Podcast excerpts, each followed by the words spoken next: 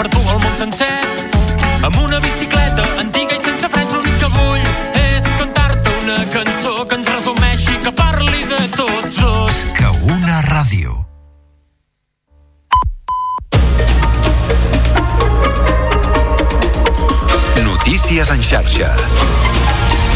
Bona tarda, són les 4, us parla Mercè Roura. La vicepresidenta i ministra de Treball, Yolanda Díaz, arrenca amb els agents socials les negociacions per concretar com es portarà a terme la reducció de la jornada laboral de les actuals 40 hores setmanals a les 37 hores i mitja. La patronal ja ha expressat la seva oposició mentre que els sindicats ho celebren. Núria Gilgado, secretària de Política Sindical d'UGT. És una mesura més que necessària per uh, la vida eh, perquè hem de tenir més temps eh, per poder gaudir de, de la família, del temps eh, personal, de lo que cadascú vulgui elegir fora de la seva jornada laboral i també és una qüestió essencial per la seguretat i la salut de les persones treballadores. Hem de tenir en compte que augmenten de manera substancial les enfermetats relacionades amb la salut mental eh, i això té molt a veure amb jornades laborals doncs, que són molt llargues Dilluns passat la ministra va assegurar davant el Congrés que aquesta reducció era una prioritat de l'executiu durant aquesta legislatura i va advertir que es faria amb o sense el suport dels empresaris. I el jutjat de Barcelona encarregat d'investigar el cas Pegasus ha rebut aquest dijous les resolucions judicials del Tribunal Suprem que van autoritzar l'espionatge al president de la Generalitat, Pere Aragonès. La ministra de Defensa, Margarita Robles, ha dit que ha enviat els documents essencials perquè l'exdirectora del Centre Nacional d'Intel·ligència, Pad Esteban, pugui declarar demà davant del jutge. Lo que se ha desclasificado es todo lo absolutamente esencial y además sin ningún tipo también, tampoco de cicatería para que ella pueda contestar las preguntas y la puedan interrogar. Lo que queda claro de los documentos que se aportan o se han aportado ya al juez es que todo lo que se hizo ha sido con autorización judicial. Les interlocutòries del Tribunal Suprem desclassificades parcialment arribat, han arribat la vigília de la declaració de l'exdirectora del CNI. La farà, per cert, aquesta declaració per videoconferència des de Madrid. I no deixem els tribunals perquè el jutge d'instrucció del cas Rubiales a l'Audiència Nacional conclou que el petó que va fer Rubiales a la futbolista Jennifer Hermoso al Mundial del 2023 a Austràlia no va ser consentit. El magistrat considera que l'acció per part del llavors president de la Federació Espanyola de Futbol va ser una iniciativa unilateral i sorpresiva i demana que s'obri un judici oral contra ell.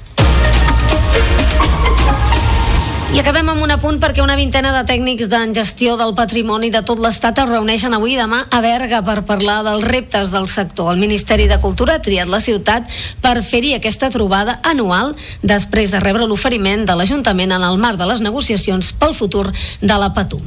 És tot de moment. Tornem a més notícies. Notícies en xarxa.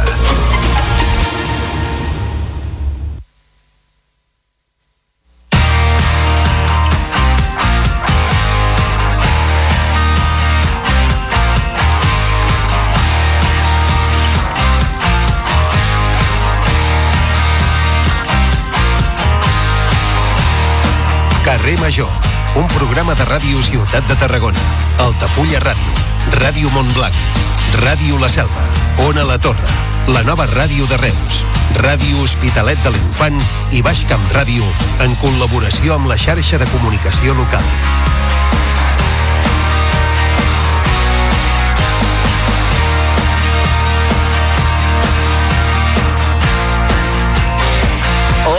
Tarda a tothom, benvinguts un dia més. Això és Carrer Major, el programa que fem 8 emissores del Camp de Tarragona cada tarda amb el suport de la xarxa de comunicació local. Us estarem acompanyant des d'ara i fins les 6. Avui que l'actualitat passa per l'educació.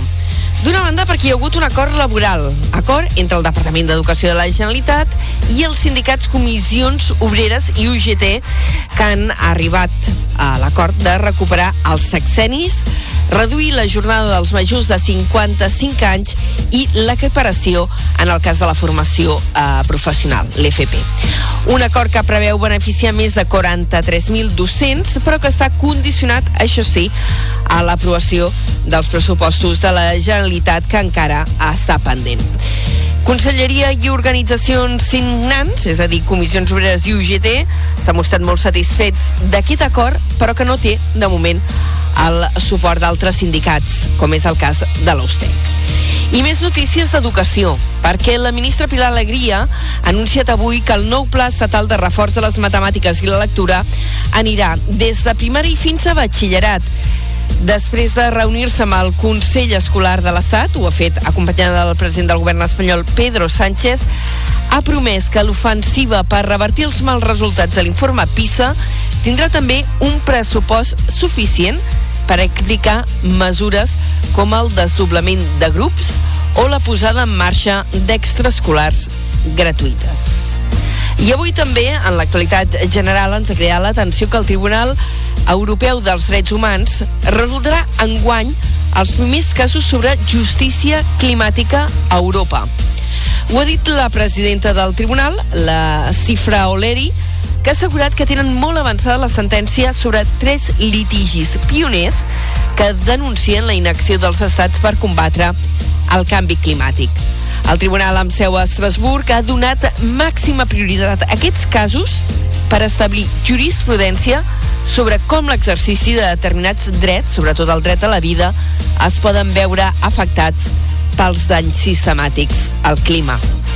I parlant del clima, avui Unió de Pagesos ha alertat que la vinya és a les portes d'una nova filoxera per la sequera. I l'altra notícia d'àmbit eh, general, però que ens ha cridat molt l'atenció, és que el jutge instructor conclou que el petó de Rubiales a Jennifer Hermoso no va ser consentit i l'envia a judici. Sigui com sigui que acabi aquest judici, almenys el fet que l'envin a judici ja és un toc d'atenció. Un toc d'atenció a tots els senyors del món que pensen que poden fer el que volen, quan volen i amb qui volen. Toc d'atenció als senyors. Amb aquest missatge, avui comencem carrer Major. Som les emissores del Camp de Tarragona i us acompanyem tot l'equip que fem aquest programa. L'Iris Rodríguez, l'Aleix Pérez, en David Fernández, la Gemma Bufies, la Cristina Artacho, l'Adrià Requesens, en Jonai González, en Pau Carbalan, l'Antonio Mellado, Antoni Mateos, jo mateixa, que sóc l'Anna Plaça, i el Iago Moreno. Comencem.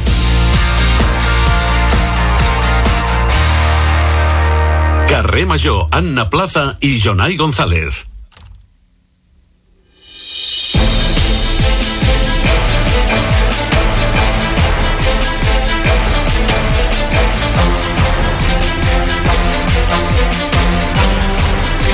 Són les 4 i 7 minuts, el moment de repassar en forma de titulars les notícies més destacades del dia al Camp de Tarragona. Ho fem amb en Jonai González. Jonai, bona tarda. Molt bona tarda. Un macroprojecte de recerca d'àmbit estatal estudiarà per què emmalalteix la població. Tarragona serà un dels primers territoris. L'estudi s'allargarà durant 20 anys i hi participaran 24.000 persones a tot Catalunya i fins a 200.000 al conjunt de l'Estat. El president de l'Autoritat Portuària de Tarragona, Saúl Garreta, es mostra a favor de traslladar la laboral a un altre emplaçament. Garreta també creu que el terreny es podria destinar a acollir noves empreses i ampliar les instal·lacions portuàries.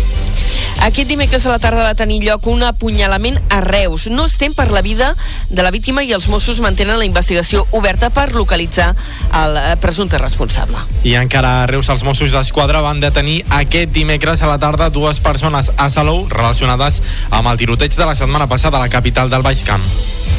Justícia atura la prova pilot amb intel·ligència artificial del centre penitenciari de Mas d'Enric. El programa pretenia detectar patrons conductuals i perfils de risc dels interns en les presons. En uh, plan econòmic, avui destacarem que els lloguers de temporada continuen guanyant terreny als convencionals en el mercat immobiliari.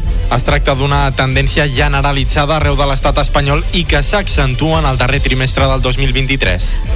Els arqueòlegs confirmen que la cova del Xaragalls al terme de Vimbodí i Poblet va tenir un ús sepulcral durant més de 4.000 anys. Les excavacions han permès recuperar i inventariar més de 7.000 restes esquelètiques humanes.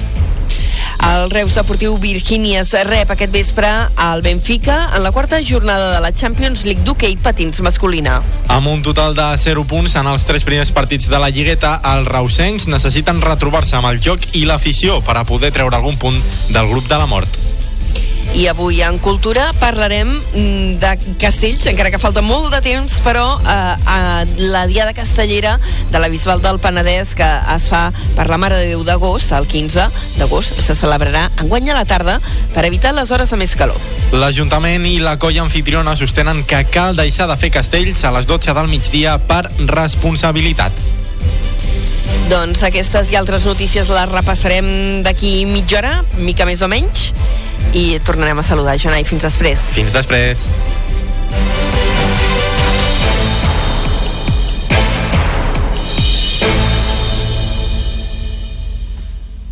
Carrer Major.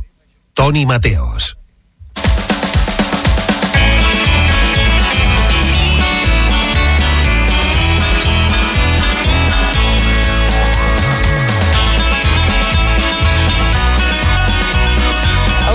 Toni Mateos, bona tarda. Oh, yeah. M'estic barallant amb tres coses alhora i estic una mica atacada als nervis, t'ho he de dir. Que, amb què t'estàs barallant? Um, clar, perquè ara ja tenim als estudis de Ràdio Ciutat de Tarragona el nostre convidat d'avui de la primera hora, que és ni menys ni menys eh, que el regidor Nacho García, tinent d'alcalde d'Urbanisme i Patrimoni de Tarragona, i Sí. clar, com que hem de fer l'entrevista per StreamYard, havia de col·locar les càmeres, però m'havien deixat desconfigurar la càmera, m'havien deixat desconfigurar l'ordinador, entretant ha arribat el tècnic becari, i li he hagut d'obrir la porta, entretant estava fent el guió del programa i un dia em lligaré una escombra a l'esquena i ho faré tot al mateix temps. I Això fins deia aquí el meu bona tarda. Hola, Toni Mateos, què tal la teva tarda? La meva, així. Què t'assembla? Hola, tu, lo de lligar-te l'escombra a la- a- a l'esquena, jo tenia un, un... Bueno, hi havia un cap de taller quan, quan jo treballava en fàbriques i tot això, Sí? que deia... Bueno, ell no deia lligar-nos l'escombra a l'esquena, ell Sí. deia eh, ficar-nos l'escombra per on l'esquena per al nom, Sí? i diu, te la voy a meter... eh, I me Sí? barreràs el taller. I, jo, I tal. sí, Doncs sí. mira, és el que em falta a mi, eh? Ja he arribat a aquest punt. He tingut un moment Ai, de crisi brutal.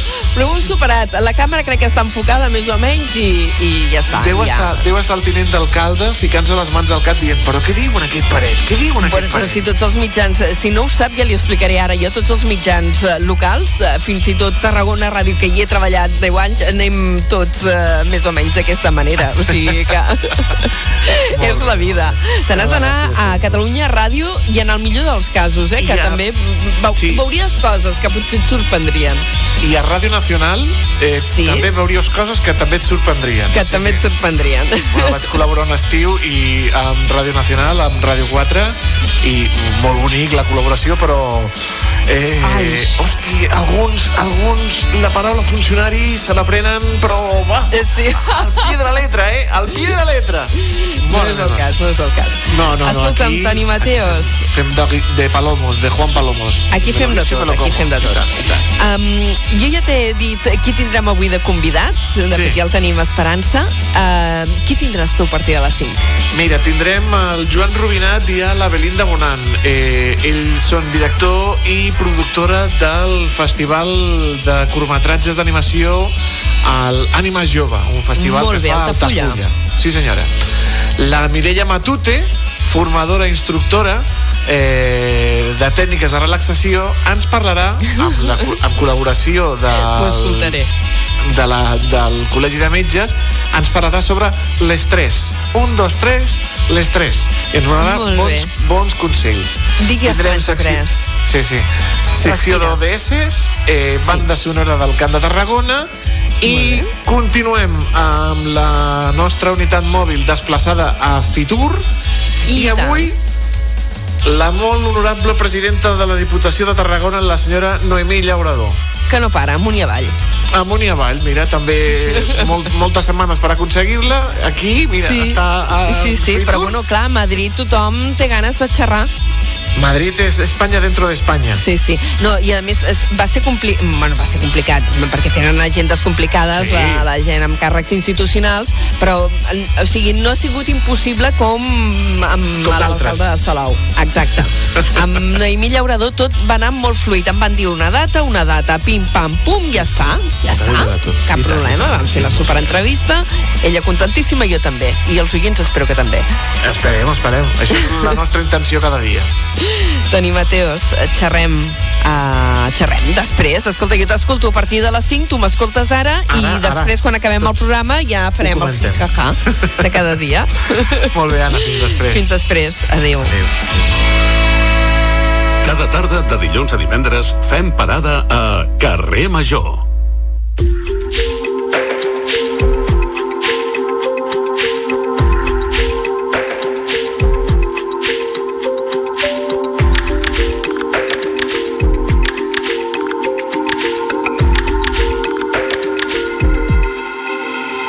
Falta un...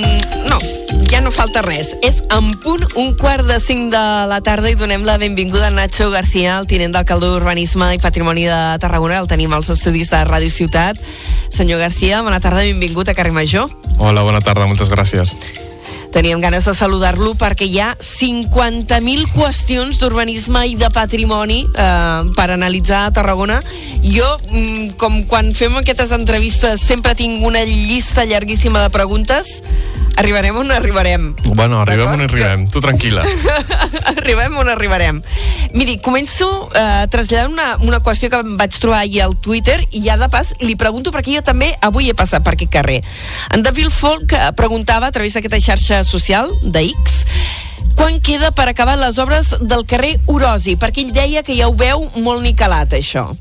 Sí, sí, de fet li vaig, li vaig contestar al, al Ah, li va David. contestar i no vaig Sí. veure la resposta. li vaig contestar. Bé, les obres, el que és obra civil estan gairebé enllestides amb un 99,9%. Falten alguns elements decoratius de, del carrer, d'unes jardineres que s'han retrasat doncs, per un tema de proveïdors, però com el carrer, diguéssim, físicament està, està acabat, doncs estem buscant data per fer, no un acte inaugural, perquè no, no el podrem fer fins que no arribin aquestes eh, jardineres, però sí un, un acte de posada en marxa no, d'aquest carrer perquè la gent ja el pugui gaudir al, al 100% i quan arribin aquestes jardineres doncs ja les acabarem de, de posar.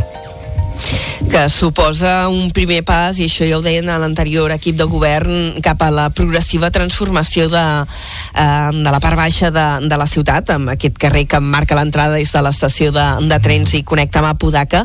Eh, no sé si vostè està intervenint també, i ara aquí potser aquí em poso amb un jardí, eh, amb tot el tema del pla integral de la part baixa, Sí. per saber en, en, quina, en quina fase ho tenim ara. Sí, sí, per competències de Cartipàs els plans integrals també són competència de l'àrea de territori que, que coordino. I el pla integral està acabat i de fet ja tenim data de presentació, ja l'hem fet pública que serà l'1 de febrer.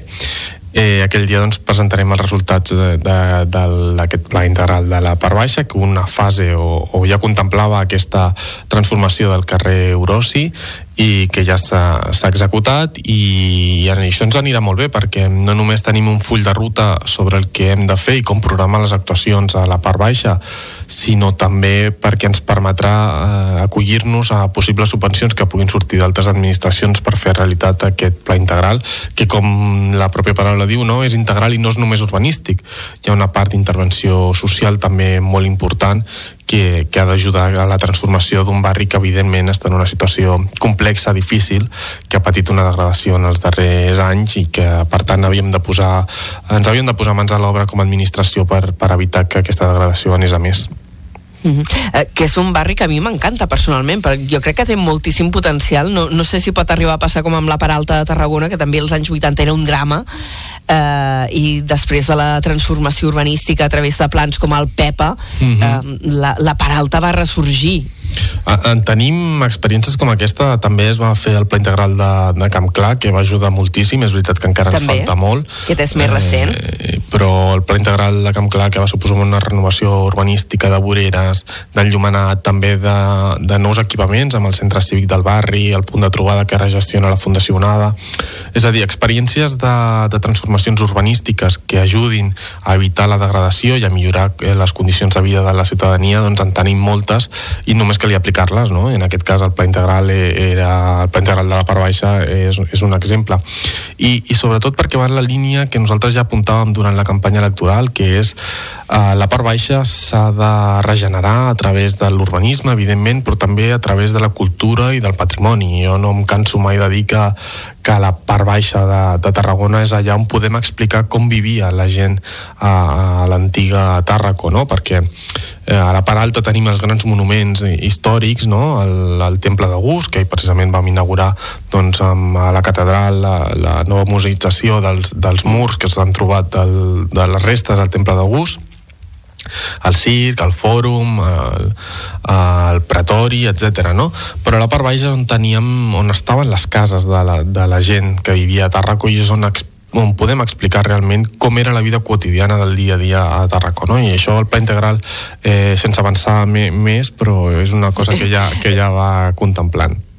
Eh, és el que li anava a preguntar ara, si podem avançar alguna cosa, perquè diu que la presentació es farà l'1 de febrer, eh, no sé si us ho reserveu tot per explicar-ho en aquella data, o podem ja donar alguna pinzellada de, de directrius que marca aquest pla integral de què, què cal fer eh, per donar una nova vida, una nova empenta a aquesta zona de Tarragona per, per respecte no, no, no només als periodistes jo, que ja assistiran sinó so, sobretot a les entitats veïnals i, i, i altres organitzacions de la ciutadania doncs, que han participat en aquest pla integral jo crec que, que millor que, que ells ho vegin primer i després ja fem les valoracions que corresponguin no?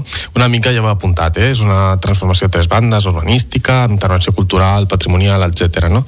però les actuacions concretes esperem el dia 1 que les, les veurem doncs apuntat a l'agenda dia 1, eh, presentació del Pla Integral de la part baixa i ara deia, és eh, la part baixa de la ciutat el que ens ha de permetre també descobrir com vivia la gent de Tàrraco, però clar, um, molts dels vestigis o han desaparegut o estan ocults, com les termes de Sant Miquel, uh -huh. que no se sap mai si les podrem excavar o no les podrem excavar, i la Font dels Lleons, que també està um, sota d'uns baixos d'uns edificis, i des del de, govern uh, del PSC uh, us vau marcar l'objectiu de que pogués ser visitable. Com ho tenim, això? Ara, ara parlo de la Font dels Lleons, però Eh, és veritat que hi ha molts vestigis a la part baixa que estan a sota d'edificis de, que es van construir en el seu moment. Algun periodista m'ha preguntat, hòstia, això com es va permetre? No ho sé, es va permetre perquè complia en el seu moment amb tot i per tant ja està, no, no hi donem més toms, no? Però és cert que hi ha dos punts que ja els, o tres fins i tot que ja els tenim. Eh, el Teatre Romà, propietat de la Generalitat i que mm, no, no parem de reclamar doncs, que es posi en valor, que hi hagi un centre d'interpretació del Teatre Romà i que comencem a donar valor en aquell espai eh, i l'altra la necròpolis que és de la propietat de l'Estat que ara ha aprovat un Next Generation d'una envergadura important i, i per tant amb aquests dos elements més eh, que aquest any el pressupost municipal contemplarà, contempla vaja, unes partides especials per, per les reserves del carrer Eivissa amb aquests tres elements ja comencem a tenir una ruta definida per la part baixa. Després podem parlar de les termes de Sant Miquel i ara parlaré de, de la Font dels Lleons, que és el gran tema d'aquest mandat. No? Però, ja en tenim de, de restes arqueològiques de molt valor a la, a la part baixa que, que cal posar en valor abans d'entrar de, en d'altres. No? I el tema de la Font dels Lleons, doncs eh, continuem una mica amb el que hem anat explicant en les darreres setmanes, els darrers mesos eh, la propietat privada d'aquella font doncs, ha inscrit una fundació privada ara mateix per posar en valor la font, que és un element eh, doncs, amb molt de valor, és l'únic l'únic edifici hel·lenístic fora de, de Grècia que existeix i que nosaltres sempre havíem reclamat que la propietat privada mogués fitxa i així vam saber, fer saber en el començament d'aquest mandat. La propietat privada ha mogut fitxa ha, ha fet aquesta fundació i ara el que estem estudiant com a Ajuntament i com a govern doncs és eh, de quina forma podem ajudar ara a que aquesta font sigui visitable no hi ha res concretat encara. Esteu en contactes amb, amb aquesta propietat privada perquè sí que havia aparegut als mitjans no? la constitució d'aquesta fundació, aquesta voluntat, però no, alguna cosa més concreta? O... En, encara no, el que, clar, hi ha una part legal i tècnica al darrere que és el que estem estudiant ara com a, com a Ajuntament de com podem participar en aquesta fundació, com podem ajudar a la propietat privada perquè és evident que hi ha un interès públic darrere de posar en valor la Font dels Lleons, doncs vist que hi ha aquest interès públic, ara hem de vestir com, com participar l'Ajuntament. Has esmentat un altre tema que és el de la necròpolis. Mhm. eh, sabem que estem pendent de notícies d'adjudicació del projecte. Eh, S'està pendent d'això i amb aquesta aportació de 7 milions eh, d'euros, que em sembla que eren els fons Next Generation que s'havien eh, assignat per la recuperació de tot aquest espai. Eh, des de l'Ajuntament, que és l'últim que sabeu?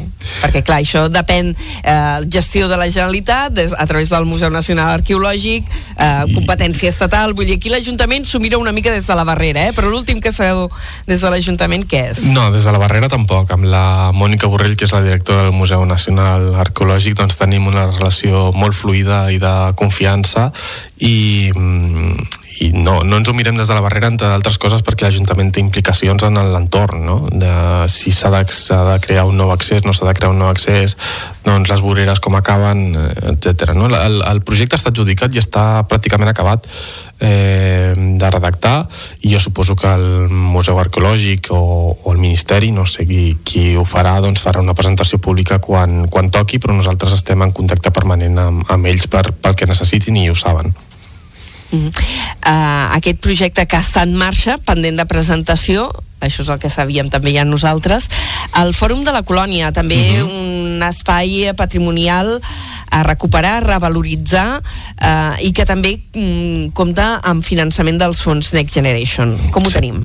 Bueno, el Fòrum de la Colònia el projecte es va acabar, es va passar per comissió, hi van haver alguns eh, aspectes tècnics que s'havien de corregir o explicar millor per part de, del, de l'equip redactor del projecte. Um, es va tornar a presentar, hi ha un aspecte que encara no ha quedat clar i tornarem a presentar ara al mes de febrer si tot va bé i un cop tinguem l'ok perquè segur que el, que el tenim perquè hi ha col·laboració, hi ha voluntat, hi ha ganes per part de la Generalitat, doncs evidentment per ajudar-nos, doncs un cop eh, tinguem aquest ok ja definitiu per part de la Comissió de Cultura de Generalitat doncs l'enviarem a, a contractació perquè comenci la licitació de, de les obres ja definitives del, del Fòrum de la Colònia. Per tant, estaran al caure i espero que, que abans de, de l'estiu doncs, ja tindrem adjudicades les obres i puguin començar. Mm -hmm. En línies generals, com serà? Com canviarà aquest espai? Canviarà molt. Imaginar. Canviarà molt, no només l'espai, sinó també l'entorn. És una intervenció integral també al, a l'entorn, al carrer Cardenal Cervantes, que ampliarà eh, voreres, i el que canviarà principalment serà l'accés. Ja no serà pel carrer Lleida, sinó que serà pel propi Cardenal Cervantes, més enllà de... Sí, una entrada molt més frontal, no? Ens, ens hem d'imaginar no? que és com una peça eh, rectangular al fòrum de la colònia, ens entraríem per la Mhm. part de davant, per la part més llarga. Ah, efectivament, ara s'entra per, per un, pel costat més curt. Hem de, hem de concebre doncs, que el Fòrum de la Colònia serà la porta d'entrada a l'illa Corsini que ja s'ha anat construint i que, i que a poc a poc anem, anem fent. No? Eh, a banda d'aquest nou accés, eh, s'eliminaran també els murs que hi ha actualment al Fòrum de la Colònia, es faran uns murs verds amb, amb arbres i amb, i amb eh, plantes doncs, per, perquè no hi hagi aquesta barrera, perquè eh, hi ha com dues alçades, l'alçada del que era eh, el nivell romà, diguéssim, de, del Fòrum de la Colònia queda molt més elevat del que és eh, l'actual carrer, carrer Lleida, carrer Soler o carrer Cardenal Cervantes. Aquest serà el principal canvi i l'altre serà que desapareixerà el pont que passa ara mateix per sobre. Eh, es canvia per una plataforma a peu pla eh, que sigui accessible, ara mateix aquell pont doncs, no ho és i serà una plataforma accessible per, perquè la gent amb discapacitat també pugui gaudir del, del patrimoni.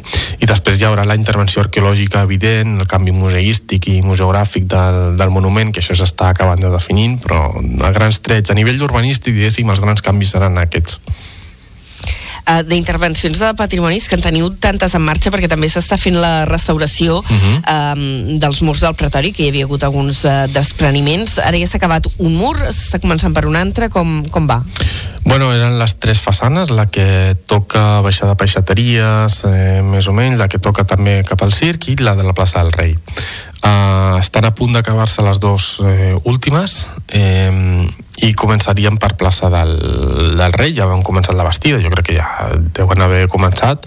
Eh, i, i res, una intervenció molt, molt, molt important que canviarà molt la fisonomia d'aquell monument. Pensem que el conjunt del circ pretori era dels que menys inversió s'havia fet en els darrers, eh, en els darrers anys i ara, doncs, evidentment, amb aquesta restauració del, del monument, del pretori, del, de les seves façanes, que qui no les conegui, doncs, eh, el convido a que les conegui, a que vagi a visitar-les, però també veurà un canvi substancial perquè veurà la pedra molt neta, eh, quan si veu una foto anterior doncs, eh, es notava que el pas del temps doncs, havia, havia perjudicat considerablement el monument i també, sobretot el, el que el més important és que s'intenta evitar la degradació per part del, dels coloms, de la fauna autòctona gairebé de, de la ciutat, no? que havien fet molt de mal al monument i ara s'han tapat tots els, eh, els espais que quedaven buits i on els coloms hi podien eh, accedir doncs tot això s'ha tapat, mantenint la cromàtica del monument i, i seguint les instruccions doncs, dels experts, però s'ha anat tapant per evitar que els coloms agradin més. I deia que, que era aquest conjunt circ pretori, no? o, o circ eh, fòrum provincial, era un dels que menys havia rebut inversió en els últims temps i ara doncs, en farem molt importants. Aquest, eh, la volta al sarcòfag, la restauració de la volta al sarcòfag que està a punt de sortir a licitació i també eh, el canvi de l'enllumenat de la volta llarga i de l'entrada del circ. Miri, li he de confessar, ja li dic així, crec que és un dels meus espais preferits. Meus també. La, la volta del circ, vull dir, sempre que porto allò que venen amics de fora i venen de visita a Tarragona, els porto a veure el circ perquè a mi és un lloc que em torna boja. És un espai únic i és molt difícil trobar un lloc a, al món, és que ni tan sols a Roma, perquè Roma no té, no té circ, o, queden les restes mm, mínimes de, del que va ser el circ de, de Roma, però és un espai únic eh, gairebé al món, diria, amb la volta llarga, passa per sota una volta que té més de 2.000 anys d'història i que per sobre continua havent el carrer, el carrer actual, eh? que no, no, és que estigui, sí, sí. no és que estigui en ruïna, sinó que a dalt està el carrer i l'aguanta encara aquella, aquella volta romana i el canvi d'il·luminació suposarà un canvi estètic important o simplement es fa un canvi d'il·luminació perquè hi ha peces que fallen? Hi haurà les dues coses. diferent? Eh, ens hem d'imaginar una miqueta diferent perquè clar, el canvi d'il·luminació dels actuals fluorescents que, que hi ha a la, a la volta a passar els leds doncs ja, ja farà que hi hagi un canvi però o, la principal motivació del canvi és que hi havia elements que estaven molt malament que s'havien de, la instal·lació elèctrica doncs tampoc era la, la idònia i també per una qüestió d'estalvi. No és el mateix el que gasta un fluorescent del que gasta una LED però evidentment quan fes aquest canvi hi ha un canvi estètic eh, evident Suposo que deu ser complicat perquè altra cosa no, però en aquell espai humitat n'hi ha una miqueta, eh? O sigui que suposo que també fer el manteniment, el manteniment elèctric. No, no, no és fàcil, no és fàcil. Sí, sí. Escolti'm, permeti'm que li pregunti per un altre tema que mm, que és el de Cala Ardiaca, perquè aquests dies uh -huh. n'han anat uh, sortint informacions a, a la premsa, aquest edifici eh, en parc gòtic que hi ha al Pla de la Seu, a tocar de la catedral, amb la famosa embestida aquella, per l'amor de Déu, quines ganes de perdre la vista, aquella embestida. Clar, aquell edifici és propietat privada uh -huh. i mm, en el diari de Tarragona han sortit diverses peces informatives recollint paraules de l'alcalde Vinyuales eh, plantejant la possibilitat que allò sigui un parador nacional i que em volia parlar Fitur aquests dies. Uh Mhm. -huh. Qui en sap vostè? Bueno, encara l'alcalde va marxar ahir a Fitur, no sé si ha pogut parlar ja amb la amb la Raquel Sánchez, que és la presidenta de Paradores, exministra, eh, sí. presidenta actual de Paradores Nacionales. En tot cas, eh, Cal Ardiaca té tramitat i aprovat un pla especial eh, on ja es contemplava la instal·lació d'una d'activitat eh, hotelera. Per tant, si Paradores eh, ho veiés bé i, i poguéssim arribar a un acord que aquesta inversió doncs, tiri endavant eh, el pla especial ja està, ja està tramitat i, i sap mm, quin, quina capacitat pot tenir i quines obres es poden fer. Bueno, esperem a veure si ojalà Paradores eh, vulgui jugar. Entre altres coses perquè Tarragona és ciutat patrimoni és la única que ni té planificat, eh, ni té parador ni el té planificat, no? I, i, i això hosti, és, és molt important per, per nosaltres com a ciutat tenir un parador nacional perquè quin problema hi ha amb la, amb la propietat actual? Entenc que potser és un problema de finançament que no hagi arribat a tirar endavant a, el projecte que hi havia, perquè s'havia parlat no? de fer-hi un hotel, allò de la Mhm. standing, clar, un luxe, un espai Mhm. monumental d'aquelles característiques i el tocar de la catedral. Què ha passat? Entenem que és un tema de, de finançament, doncs, que ells van tirar endavant un projecte que el tenen redactat i, i van tramitar aquest pla especial. De fet, van arribar a demanar llicència d'obra, t'estic parlant de fa, fa molt de temps, eh? fa molts anys, Sí, sí, fa anys. eh, que va caducar. Entenem que per, per falta de, de finançament i d'un operador que es fes càrrec després de, de l'hotel, però bueno, això és una qüestió de la propietat eh, privada. Mm. Eh, Llavors, en aquest cas, en el cas de que l'Estat fes una aposta per fer un parador, què, què s'hauria de fer? Expropiar l'espai o ja es veuria la fórmula que s'utilitza? el més fàcil seria arribar a un acord amb la propietat privada però mm, totes les possibilitats queden, queden obertes, no? Si hem d'anar amb una venda forçosa o una expropiació, ja, això ja ho veuríem, però el més fàcil i el més sensat seria arribar a un acord amb l'actual propietat privada perquè fes la cessió per paradores. Mm -hmm. Uh, li demano que, que canvi de barret li seguiria preguntant qüestions de patrimoni però vull parlar també d'algunes qüestions d'urbanisme No perquè sé si el canvio gaire, estan- eh? perquè això de l'Ardiaca és una cosa entre gestió urbanística, disciplina i patrimoni que al final Sí, tot, tot està i barrejat. tot, no? Sí, sí. De, però ara ens eh, centrem més en l'urbanisme perquè aquests dies també van apareixent informacions i ha anat parlant del Pla d'Ordenació Urbana Municipal eh, que esteu en procés de, de reforma. Eh, l'alcalde també va passar tot just fa uns dies a, a, pel programa de, de Ricard Laoz a, a Radio Ciutat de Tarragona i deia que estarà l'any vinent. En quina fase el teniu de, de redacció? Bueno, l'any vinent Perquè... esperem tenir l'aprovació inicial del, del POM, que després vindrà tot, la fase de delegacions, tots els eh, informes sectorials, etc. I, i l'aprovació definitiva serà una mica més llarga. Esperem l'any que ve tenir la- l'aprovació inicial de, del POM. Mm. que s'ha hagut de refer perquè en el seu moment l'empresa CLH que el pla d'ordenació urbana que s'havia aprovat anteriorment eh, establia que se n'havia d'anar d'allí on és ara, a tocar del riu Francolí a l'entrada de, de Tarragona eh, va presentar denúncia judicial la justícia li va donar la raó i va tombar aquell planejament urbanístic i torna a començar a zero. Estem en aquesta fase. Negociacions amb l'empresa, amb CLH, perquè clar, el problema el tornem a tenir damunt de la taula, no? L'empresa se n'haurà d'anar d'allí eh, i clar, s'ha d'evitar també que no tornin a al·legar una altra vegada contra eh, un pla urbanístic que ja tingueu fet. Eh, com estan les negociacions amb l'empresa? Bueno, ens vam reunir l'alcalde i jo mateix amb, amb la direcció de l'empresa, en el qual doncs, vam mostrar la voluntat de que eh, CLH havia de marxar d'allà. És evident que en una zona que cada vegada té més pressió urbanística, que cada vegada és, és més trama urbana eh, consolidada, doncs no, no té cabuda una, un negoci d'aquest tipus com és la CLH. Dit això, la CL, els directius de la CLH també van entendre i, i ja em constava que així ho havien fet també en anteriors ocasions, doncs que ells eh, han de marxar d'allà, que ja no és el seu lloc i estan buscant alternatives i els estem ajudant a buscar eh, alternatives perquè es puguin quedar a la ciutat de Tarragona però que marxin d'una zona que, que a més mm, és de consens molt ampli de que se, ha de ser una zona de transformació eh, tot el, tota la peça de la CLH però també tot el polígon que va al darrere en tot cas la CLH ha de fer-nos arribar quines són les seves necessitats d'espai perquè sabem que estan plantejant fins i tot bueno, CLH, dic CLH però no és CLH, ara es diuen eh, Sí, Exolum han canviat de nom. han canviat Però de per- nom però perquè Tothom la gent ens com la entengui no? I, I de fet encara tinc la vista dels, dels grans contenidors aquells, no? Com Sí. ho poses, CLH, que és el primer que veus quan entres, no? Al. Um, doncs bé, estem esperant que, la, que Exolum ens faci arribar quines són les seves necessitats d'espai per buscar un nou lloc sabent que el seu model de negoci està canviant, que ja no necessiten aquests dipòsits tan grans que tenen actualment en aquella zona i que per tant eh, necessitaran un altre tipus d'infraestructura i amb això, amb això estem, amb negociacions amb ells, amb veure quines són les necessitats d'espai i on els podem ubicar en un futur.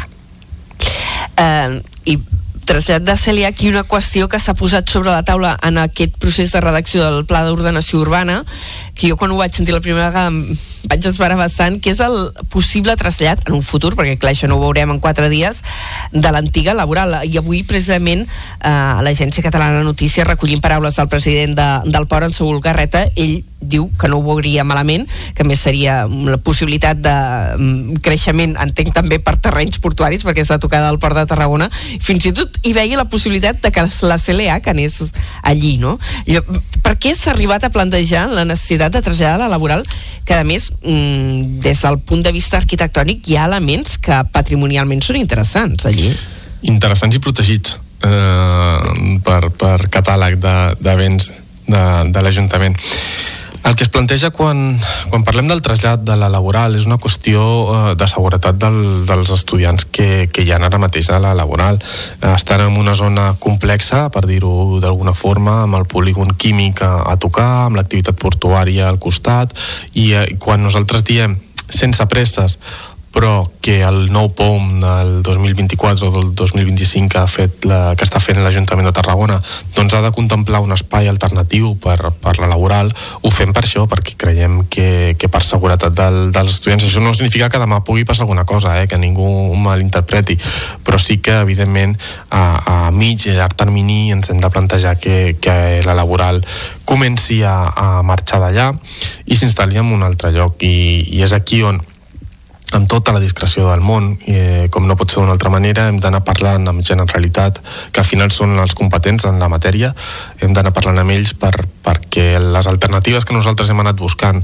d'espai a la, a la nostra ciutat, doncs a ells els encaixin, els encaixi la que volen marxar i, i per tant posem mans a l'obra i que el nou POM eh, ho contempli perquè la possibilitat que es planteja és que vagi cap a la zona de Ponent, no? cap a la zona de la Floresta o per aquella banda de la T11. Mm, jo nosaltres sempre hem cregut i, i continuem creient des de fa molts, molts anys que el, el creixement urbanístic per Ponent havia arribat al seu límit i amb el PP10 doncs, doncs gairebé hi, hi ha arribat, encara ens quedaran alguns sectors de creixement però ja ha menors.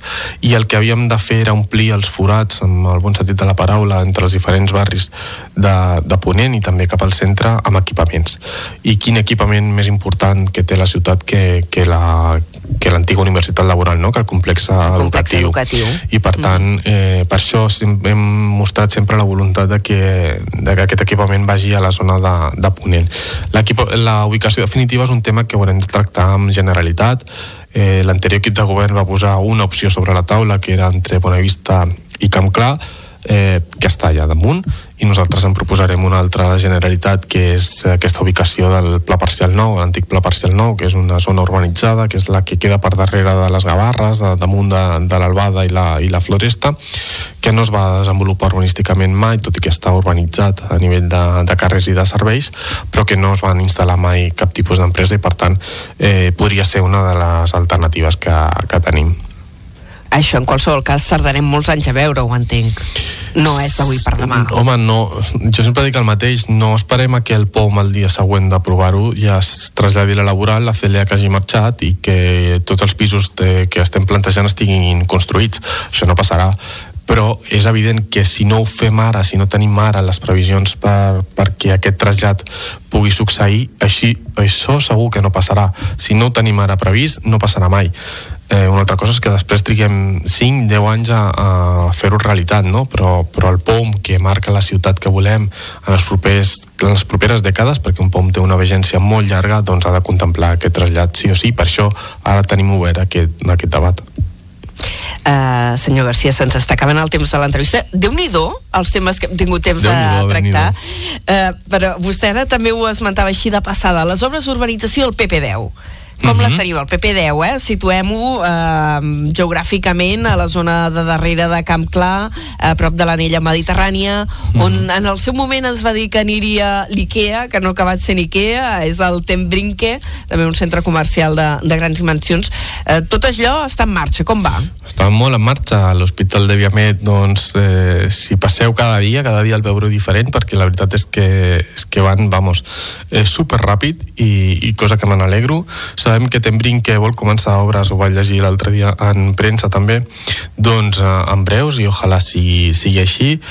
I l'Ajuntament de Tarragona està fent la seva part, que és amb els solars que té, d'ESMAUS, en aquest cas, Solidaritat del Servei Municipal de l'Habitatge, doncs ja tenim compromesos la construcció de 192 habitatges de lloguer social que falta fa a la nostra ciutat, que, que ja tenim el projecte damunt, damunt la taula i que esperem que, que en breus puguin tenir la llicència d'obres per començar.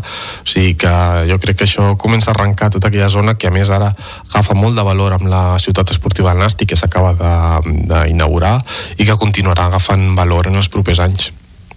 Els pisos de protecció social, quan podrien començar a construir-se, diu que estan pendents de llicència només ja, i és obtenir llicència i poder començar obres? Sí, sí. És, per algun tràmit No, no, el, el projecte, el que passa és que l'autorització dona llicència per construir eh, dos torres enormes i, i 192 habitatges doncs no serà ràpida, eh? Però, però sí, el projecte està entregat a l'Ajuntament la, i, i es van fer alguns requeriments tècnics per, per acabar-ho de, de lligar i crec que estem esperant la darrera versió doncs, que ja ens han dit la, la fundació que els construirà, que ja ha buscat l'encaix per, per fer-ho possible i per tant, si no ha entrat ja deu estar a punt d'entrar la nova versió i, i arrencar tot el procés de, de la llicència d'obres. Doncs moltes qüestions en marxa, anem... que encara ha quedat alguna qüestió al tinter, però hem fet un repàs eh, molt ampli amb en Nacho Garcia, el regidor, tinent d'alcalde, eh, conseller d'Urbanisme i Patrimoni de l'Ajuntament de Tarragona. Li agraïm moltíssim que ens hagi acompanyat avui a Carrer Major. A vosaltres, moltes gràcies. Fins la pròxima. Adéu-siau. Carrer Major, al Camp de Tarragona, des de ben a prop.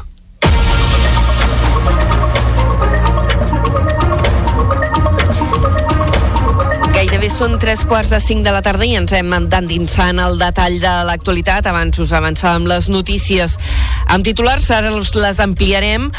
Un macroprojecte de recerca d'àmbit estatal estudiarà per què emmalalteix la població. Els detalls d'aquest estudi s'han presentat avui a Tarragona tenint en compte que el nostre territori serà un dels primers on es començarà a desenvolupar el projecte. L'estudi s'allargarà durant 20 anys i participaran 24.000 persones a tot Catalunya i fins a 200.000 al conjunt de l'Estat. Jonai, bona tarda. Molt bona tarda de nou. L'estudi porta per nom Cohort Impact i està impulsat per l'Institut de Salut Carlos II del Ministeri de Ciència, Innovació i Universitats. En el cas del Camp de Tarragona es farà seguiment de 4.000 pacients d'entre 16 i 79 anys de 9 municipis.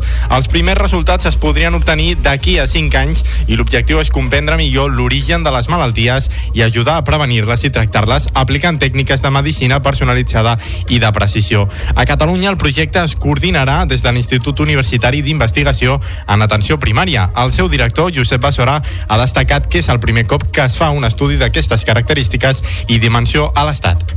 Aquest és un gran projecte és el primer gran projecte, diria jo, que és un, que és un, un projecte a l'altura d'altres països europeus, com Alemanya i França, que tenen cohorts poblacionals per poder, eh, per poder estudiar la seva població. Fins ara, molts dels resultats que apliquem en salut són fets de cohorts que s'han fet a l'estranger, no? I apliquem prediccions, apliquem sense saber molt bé si s'adapten o no s'adapten a la nostra població. El seguiment dels participants es farà amb qüestionaris, exploracions físiques i proves fisiològiques i de l'anàlisi de biomarcadors que es donen a terme als respectius centres d'atenció primària.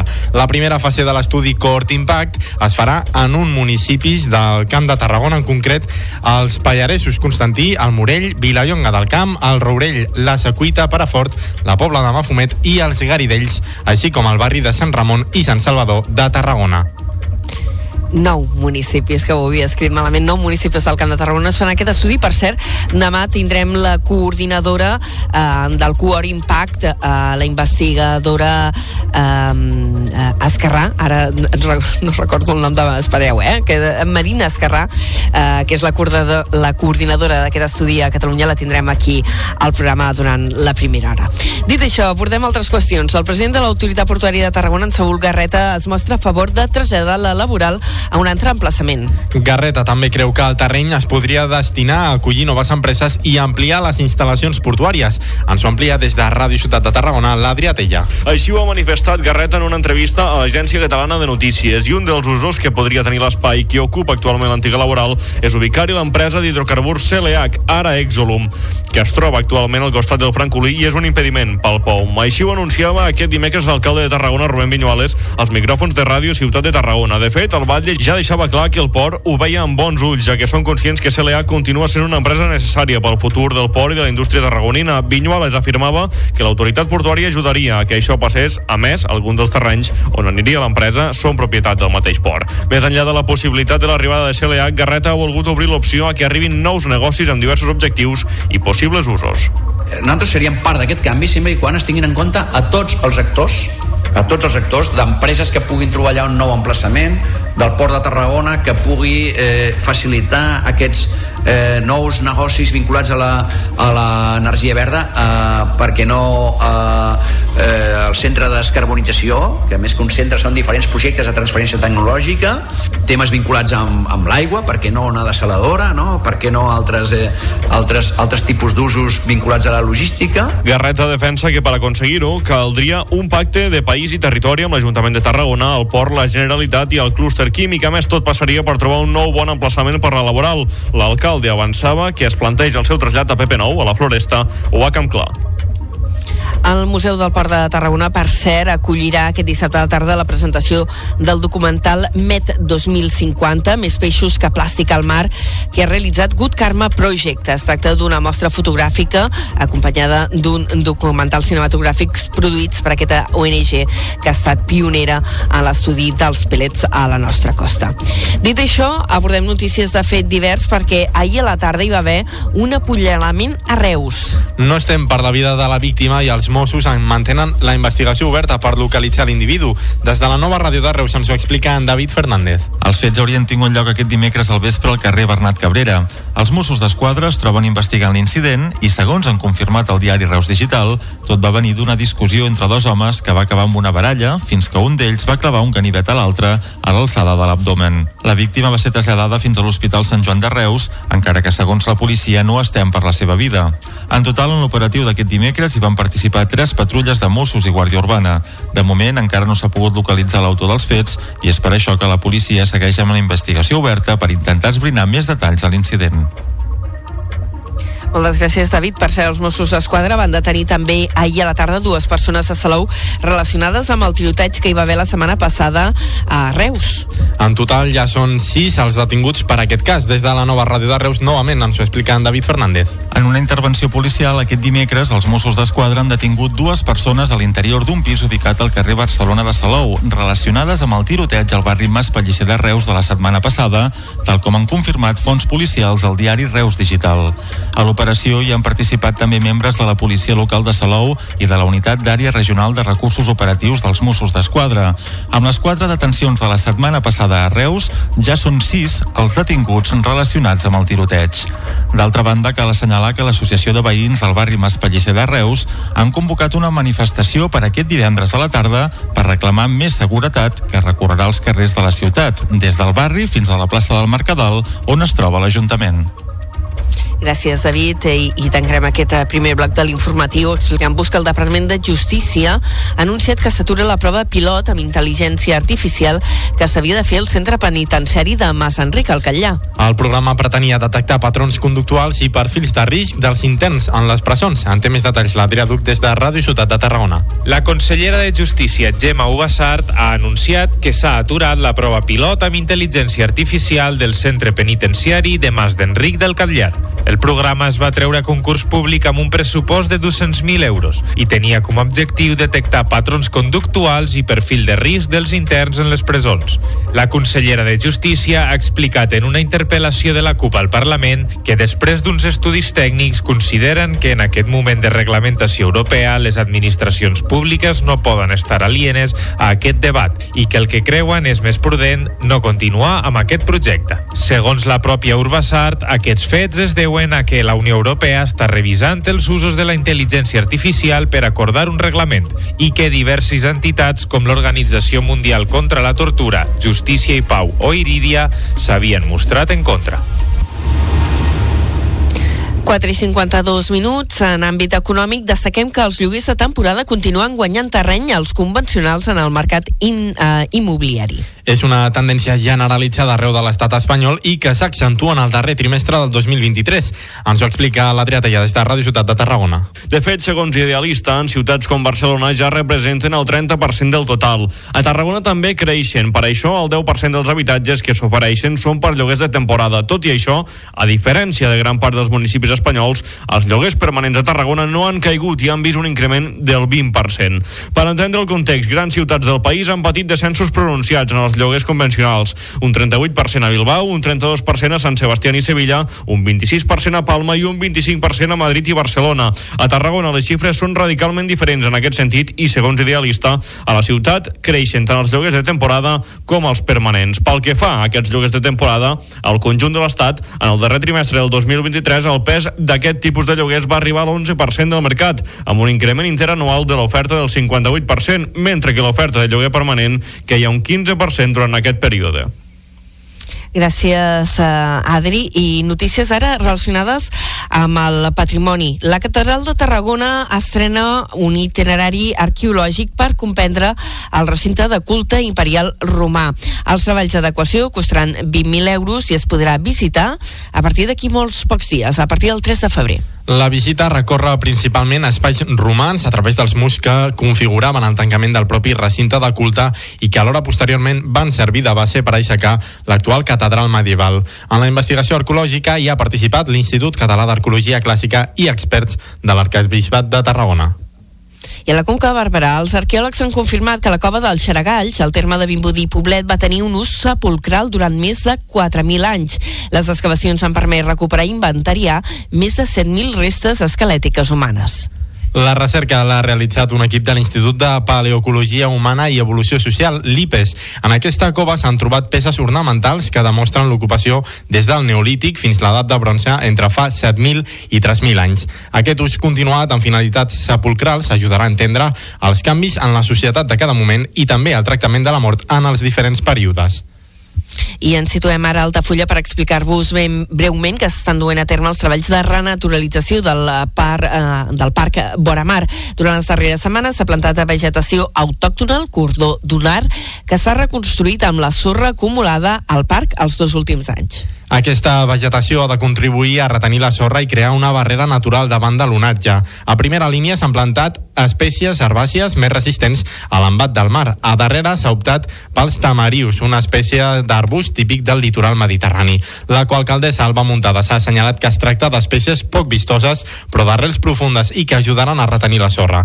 La plantació es porta a terme amb el suport dels alumnes del Pla de Transició, el treball d'Altafulla i la Brigada Municipal. I tancarem aquest eh, bloc apuntant-vos que un dels locals d'oci nocturn històrics de Tarragona, el CAU, tornarà a obrir. Ho ha anunciat a través de les xarxes socials que reprendrà l'activitat. Dit això, anem als esports.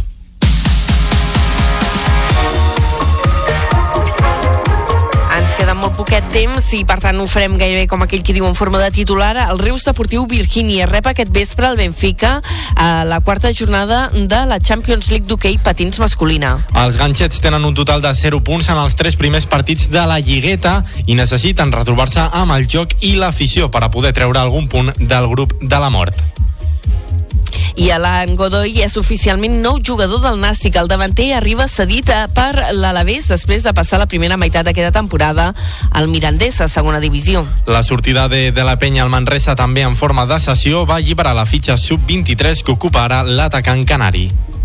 I acabarem apuntant-vos que la Diada Castellera de la Bisbal del Penedès, un dels clàssics de la temporada castellera que es fa coincidint amb la Mare de Déu d'agost, se celebrarà a la tarda per evitar les hores de més calor. Canvien les tendències, doncs, i amb aquest punt casteller tanquem avui la primera hora de Carrer Major. Ara a les 5 agafa el relleu Antoni Mateos i tota la resta de l'equip. Fins després, adeu-siau.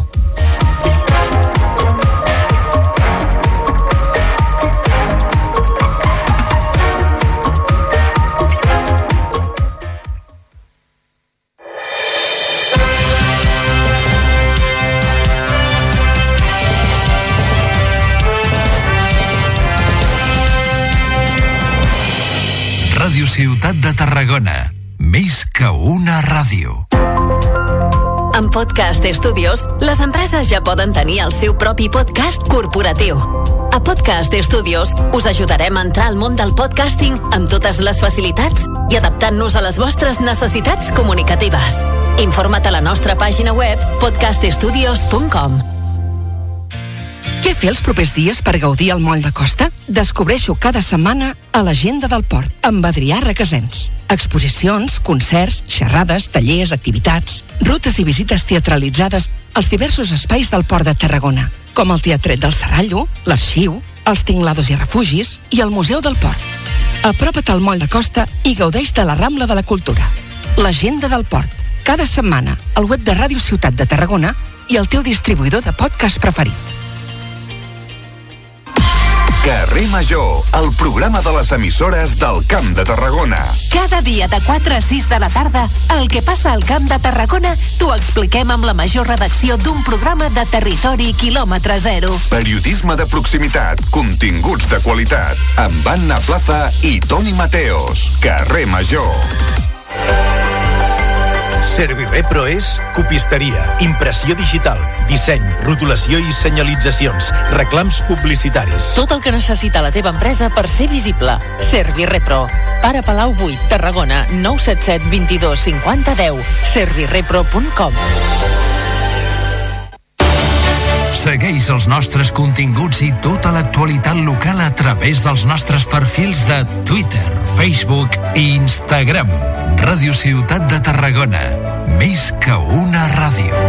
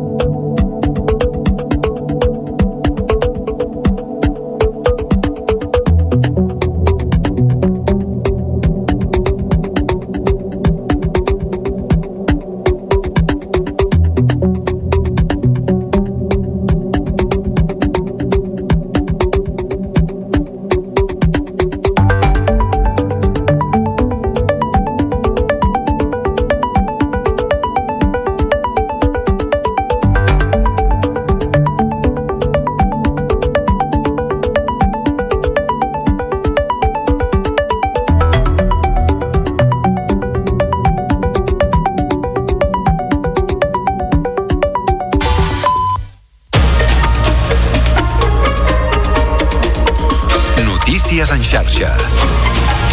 Bona tarda, són les 5. Us parla Mercè Roura. Educació recupera la pau social en part dels sindicats de mestres.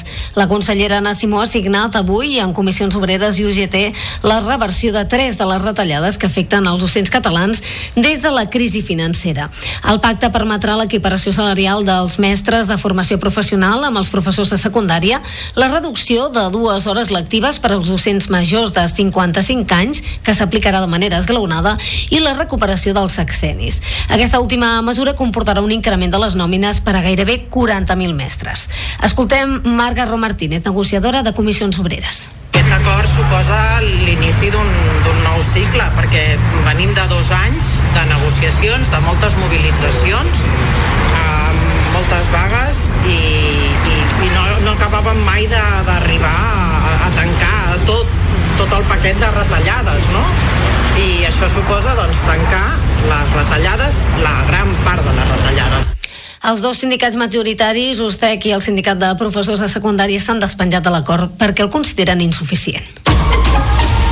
I el govern ha descartat eh, fa uns minuts l'entrada en emergència en el sistema Ter Llobregat la setmana que ve, tal i com havia avançat el president de la Generalitat, Pere Aragonès, l'executiu, però ha decidit posposar la decisió perquè les reserves d'aigua dels embassaments del Ter Llobregat encara es troben al 16,5%, segons dades això sempre de l'Agència Catalana de l'Aigua.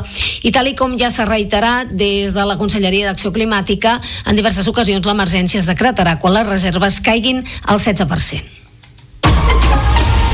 I el Congrés de Telefonia Mòbil aspira a arribar als 95.000 visitants en l'edició d'enguany que es farà, recordem-ho, entre el 26 i el 29 de febrer. Una cita que s'ha convertit en un punt de trobada de la innovació tecnològica més del 50% de les empreses participants de fora del sector de la telefonia. Escoltem Mats Granrit, que és el director general de IGSMA, que és l'organitzadora d'aquest congrés. It is so far much more than És molt més que només mòbils. És transformació digital a moltes indústries. Som la plataforma que fa que diferents indústries es desenvolupin i que també avanci la societat. thrive and society thrives.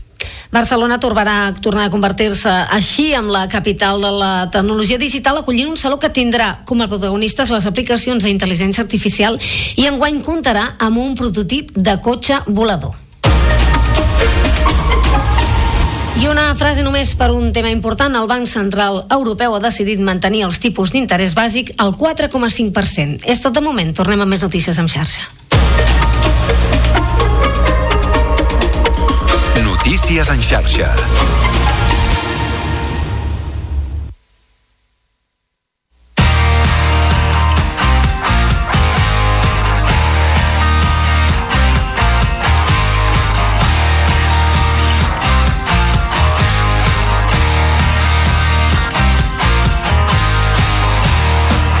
Major, Toni Mateos i Aleix Pérez. Hola, què tal? Anem amb una bona notícia. Un treball de recerca del grup de microbiologia de Vall d'Hebron, Institut de Recerca i de la Universitat Politècnica de Catalunya han aconseguit desenvolupar un nou mètode diagnòstic automatitzat per detectar la malària basat en la intel·ligència artificial i també la integració de tecnologia en una app per dispositius mòbils. Es tracta de realitzar una captura amb un telèfon intel·ligent i passar aquesta captura a una intel·ligència artificial que l'analitzaria amb un microscopi i et diu amb una fiabilitat del 90% si hi ha malària en aquest pacient. L'any 2020 es van diagnosticar 241 milions de casos de malària en 85 països. Dades de la OMS, de l'Organització Mundial de la Salut. La majoria dels casos es reporten a l'Àfrica subsahariana. Però d'això no es parla. D'aquesta bona notícia no es parla. Es parla de tonteries. Per exemple, la d'un streamer anomenat Boogles que va decidir ficar dues forquilles en dues torradores enxufades. Sí, sí. Com poden imaginar-se, el bo d'en Boogles es va electrocutar i el vídeo s'ha fet viral. Es veu aquest Einstein sortint volant davant de la càmera per la descàrrega que rep. Jo això li anomeno selecció natural. Per això, cada vegada que sento a un jove que vol ser youtuber o streamer en lloc de científic o investigador i eh, investigar sobre la malària, sobre el càncer i decideixen doncs, fer aquestes tonteries alguna cosa es trenca dins meu Quines tonteries has fet tu davant de la càmera o dels micros, Aleix Pérez? Bona tarda. Molt bona tarda, Toni Mateos. Eh, Calé Major no és una d'elles. No. Però no, no, no. De moment, No, no. a veure. Eh, tampoc hem fet tantes tutories a Calé Major. Ens portem bé. Ens portem bé. No? Sí. Fem bondats, som, som... Però jo alguna vegada he tingut algunes idees d'això. Jo recordo va haver una època, clar, jo, jo soc una persona dels principis dels 2000 i clar, i com a bona persona als principis dels 2000 als 11-12 anys vaig decidir que era una bona idea muntar-me un canal de YouTube. I clar, i vaig començar a penjar vídeos de Minecraft. I clar, i a mi em semblava el contingut més xulo que podia haver-hi. Amb un amic van dir ens agafem una capturadora, no sé què, ens comprem el Minecraft i pengem vídeos. No sé on estaran. No sé on estaran sincerament. Estaran per YouTube buscaré Eh, eh, hauria de fer una, un periodisme d'investigació bastant dens però jo crec que aquests vídeos algun lloc han d'estar algun lloc han d'estar, Toni Mateu T'imagines que tenen milions de visualitzacions i tu allà sense reportar? Home, doncs, doncs masses diners no, masses diners no m'han arribat eh, d'aquests vídeos perquè... T'arribaran diners de carrer major. Això sí, això sí. Ja ho saben, són els que portem la informació, l'actualitat i el bon humor a les tardes de la nova ràdio de Reus, Ràdio Montblanc, Ona la Torre, Altafulla Ràdio, Ràdio Hospitalet de l'Infant, Baix Camp Ràdio, Ràdio Ciutat de Tarragona i Ràdio La Selva del Camp, juntament amb la xarxa de comunicació local. El control tècnic, en Diego Moreno, investigador de cables. I darrere dels micròfons un servidor, el Toni Mateos, que es rampa amb els micros, ho fica en la llengua de vegades i... "Eh", I els acompanyarem fins a les 6. Benvinguts a Carrer Major.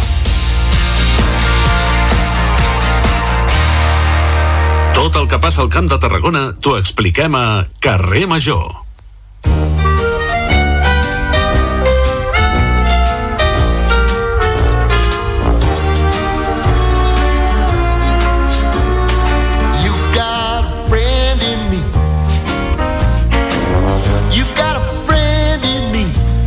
Altafulla es convertirà aquest cap de setmana en la capital catalana del curtmetratge d'animació amb la segona edició del Ànima Jove, un festival internacional de curtmetratges d'animació que es farà al Casal Auditori La Violeta. Per parlar-nos d'aquest jove festival, tenim els estudis d'Altafulla Ràdio, el seu director, en Joan Ruïnat, i a la productora del festival, la Belinda Bonan, als quals saludem. Bona tarda a tots dos. Hola, bona, bona tarda. Eh, senyor Rubinat, senyora Bonan, segona edició. Digui. Digui, digui vostè. Què vau aprendre de la primera, de la de l'any passat? Uf, tantes coses, no sé ni per on començar. I seguim aprenent. I seguim sí, aprenent. sí, aprenem, aprenem cada dia que passa, cada dia que passa. Eh, vam rebre un feedback molt, molt interessant l'any passat. Eh, co- cosetes que hem hagut d'incorporar, mm, també per una qüestió de, de per ser, per ser una mica conseqüents amb, amb el nostre públic.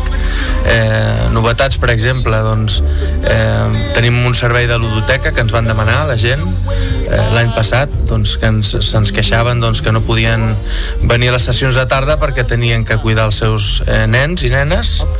I aquest any doncs eh, hem aconseguit eh, amb, amb, junt amb l'associació Viu, Viu Lleure d'aquí d'Altafulla i la regidoria d'Educació subvencionar un, un, bueno, un, un servei de ludoteca doncs, perquè no hi hagi excusa i pugui venir tothom al festival a la tarda. Una de les coses. És una de les coses de les moltes que, que heu après. És el gran oblidat del cinema, el curtmetratge d'animació? Oh, I tant. I tant, sempre ho diem, no? Si el cinema...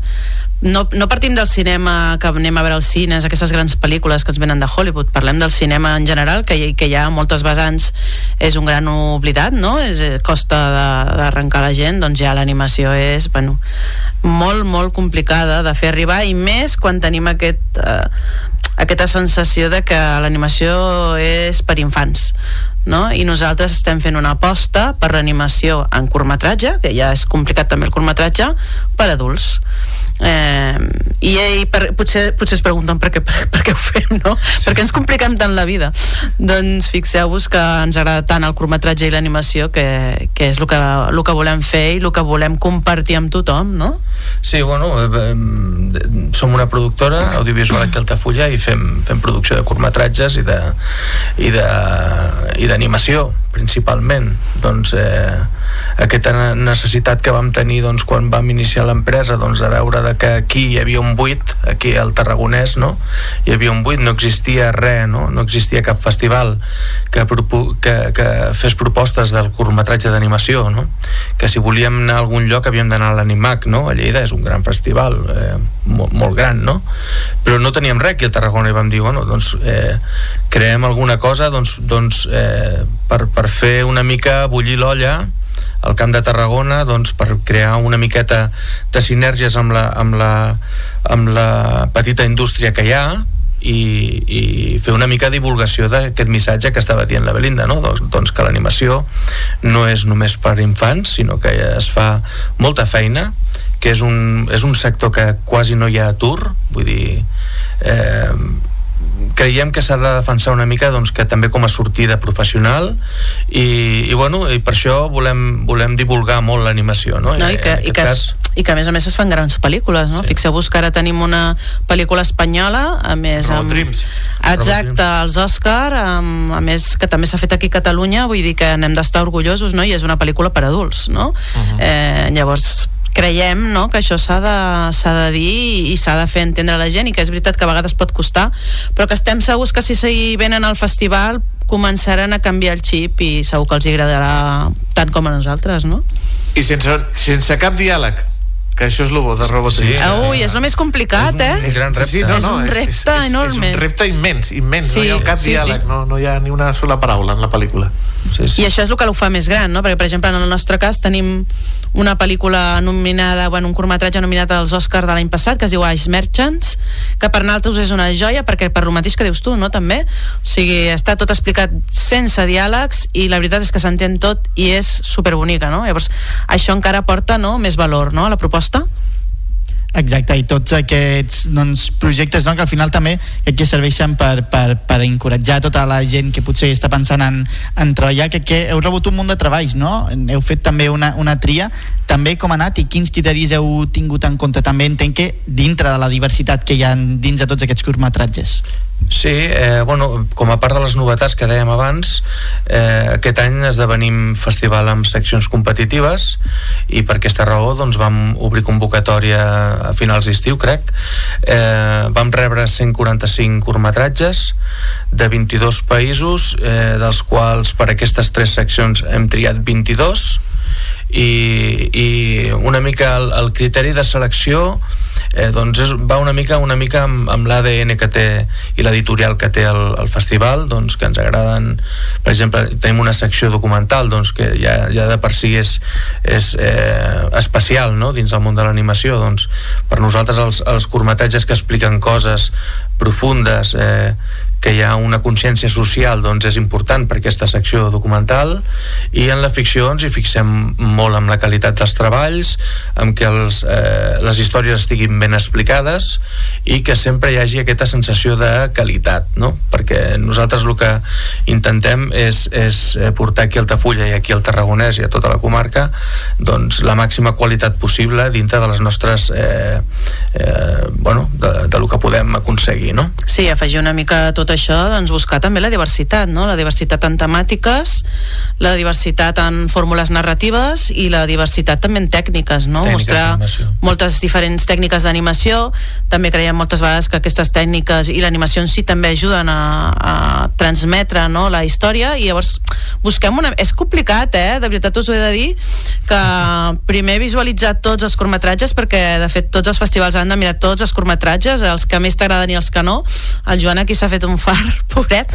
Um, I després a damunt veus treballs que t'agraden molt i que dius, ui, però no sé, clar, has de començar a treure'n uns, posar uns altres, és, és una tasca I això porta, porta maca però complicada, sí, no? Això porta a una altra de les novetats d'aquest any i és que eh, hem passat d'una jornada a dues una mica forçats per això que deia la Belinda perquè vam, no ens vam poder quedar amb sis curtmetratges de ficció i n'hi han 12 llavors hem hagut de, de buscar aquest espai eh, eh, logístic doncs per poder encabir aquestes eh, 12 pel·lícules de, de, bueno, 12 curtmetratges de ficció no?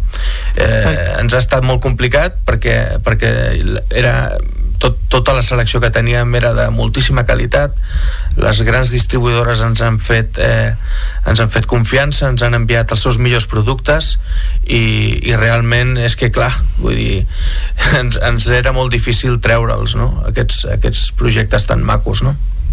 Exacte, no? això volia preguntar d'on sortien tots aquests treballs, no com feien cap a Altafulla, com coneixien també el, el festival, també les distribuïdores.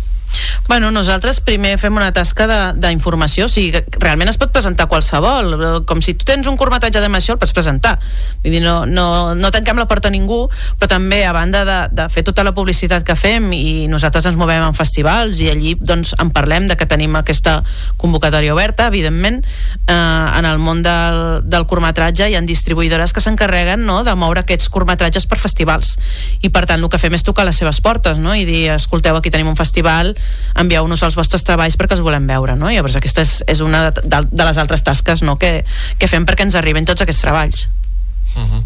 Heu comentat tres categories. En què consisteixen aquestes tres categories del, de l'ànima jove? Bueno, doncs tenim la secció infantil, que és eh, una secció que hem deixat pels més petits de la casa on també farem un, un taller que es diu Creànima doncs eh, ensenyant eh, petites nocions d'animació amb aquests nens. Això serà el dissabte al matí a les 11 després tenim la secció documental que, que es farà el divendres a les 6 de la tarda. Eh, la secció eh, ficció que és el que us explicava que hem, hem hagut de fer-ho en dos blocs eh, que seran eh, dissabte a la tarda. I de nova creació tenim la secció Panorama que és eh, una, una secció on hem volgut continuar una mica amb, la, amb el camí que vam obrir l'any passat doncs, eh, portant les produccions eh, més premiades a nivell europeu eh, i mundial, Mundial, sí. eh, i, i, i bueno, hem aconseguit eh, el que us comentàvem abans no? hi han sis curtmetratges i dels quals que hi ha el guanyador de la Palma d'Or d'aquest any el, el, el millor curtmetratge d'animació hi ha eh, el nominat eh, als Oscar l'any passat tenim diversos nominats a la, amb la shortlist dels Oscar d'aquest any mm. i bueno, vull dir que hem estem molt contents amb la selecció hem aconseguit que al final confiïn en un festival que és just és la segona edició i vinguin i ens deixin ensenyar la seva obra aquí a Altafulla per lo qual creiem que, que quasi que és d'obligació no? de, Sí, clar, venir. de que la gent s'animi no? i venir sí. i veure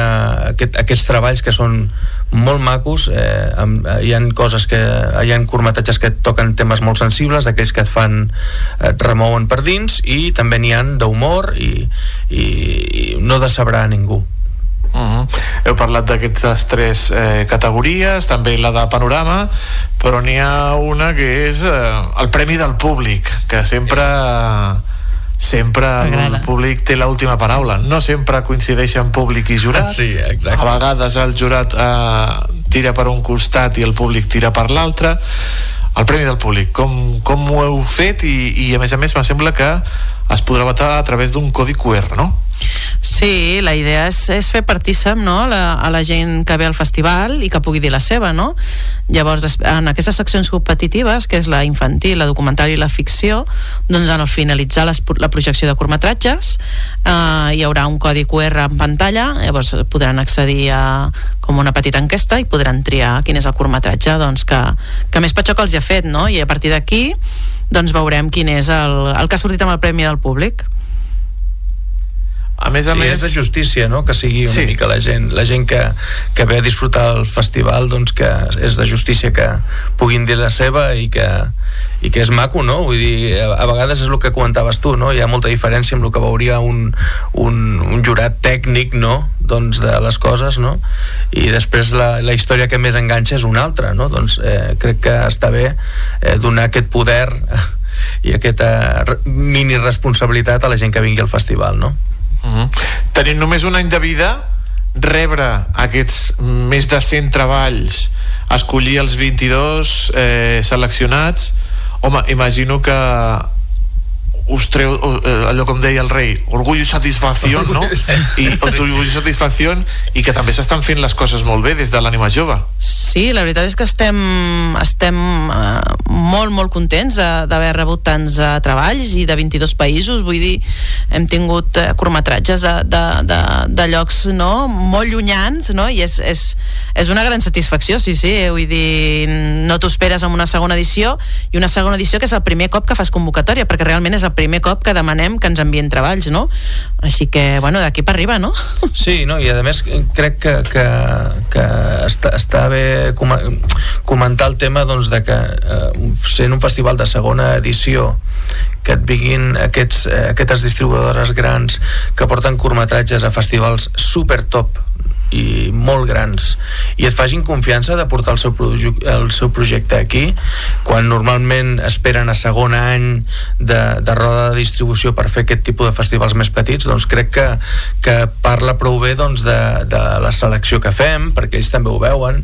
Eh, parla també de la serietat amb la que tractem els artistes. Eh, a vegades aquestes coses eh, tenen importància no? el, el, el, el donar espai a que, a, que ell, a que ells puguin dir la seva també bueno, totes aquestes coses són importants i, i, i com deia la Belinda estem molt contents de, de que ens hagin fet confiança no?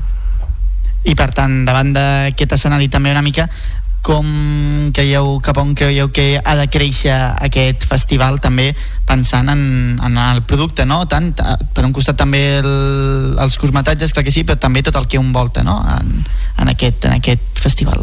Sí, de moment eh, jo crec que aquest any ja hem fet un pas endavant i el que volem ara és una mica no, eh, Consolidar. consolidar aquesta proposta no?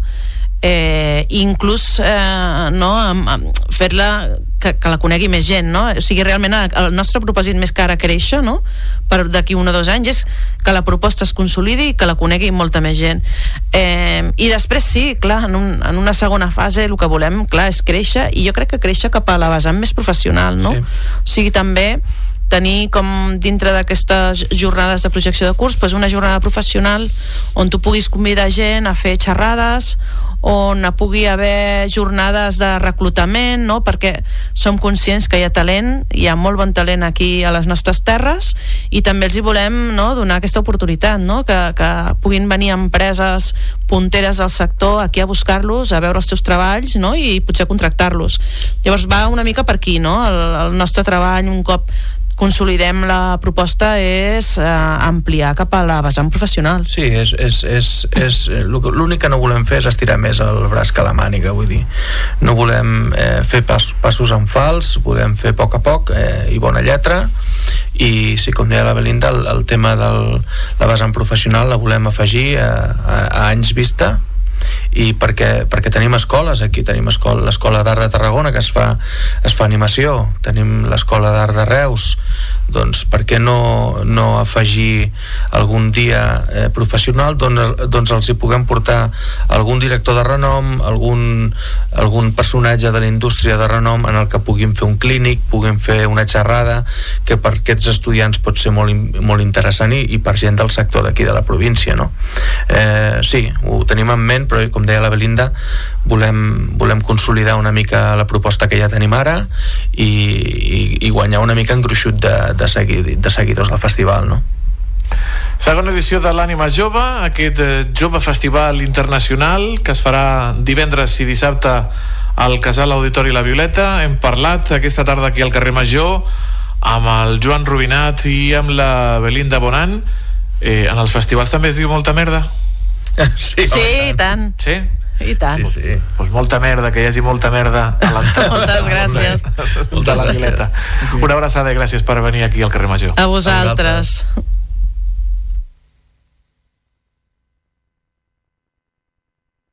Carrer Major, el primer programa del Camp de Tarragona.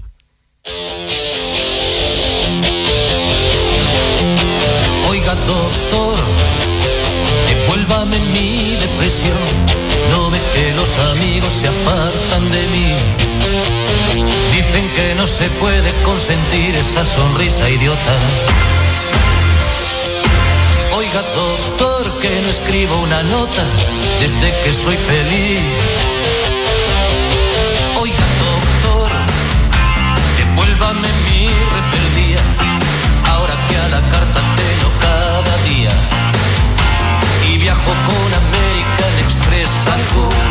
cosas. Oiga, doctor, que imaginaba odiosas, sabe que está muy bien. Oh, oh, oiga, doctor, esta vez le falló la acupuntura. ¿Acaso no le pago las facturas? Déjeme como estaba, por favor.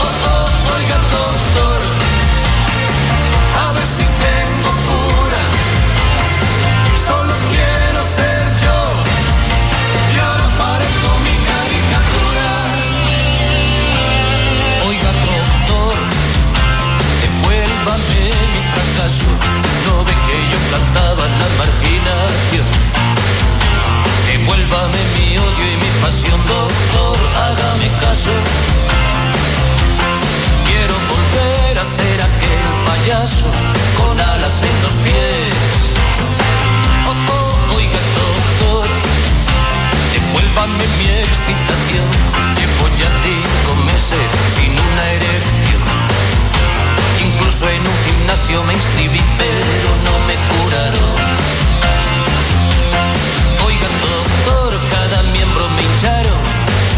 El viril. Oh, oh, oiga, doctor. Que gran cançó de Sabina. Oiga, doctor, oiga, doctor. Estrès. Estrès és potser una de les paraules que més utilitzem. Tinc estrès, no m'estressis. Ai, quin estrès que em generes. Però potser no sabem realment el que significa patir-ho. En la nostra secció que fem amb el Col·legi de Metges de Tarragona, avui tenim a la Mireia Matute, que està fent unes xerrades i conferències a l'Acadèmia de Ciències Mèdiques de Tarragona al voltant de l'estrès i la saludem. Mireia Matute, molt bona tarda. Bona tarda, què tal? Què és realment això de l'estrès i d'on pot provenir? Perquè me sembla que jo estic molt estressat amb l'Aleix.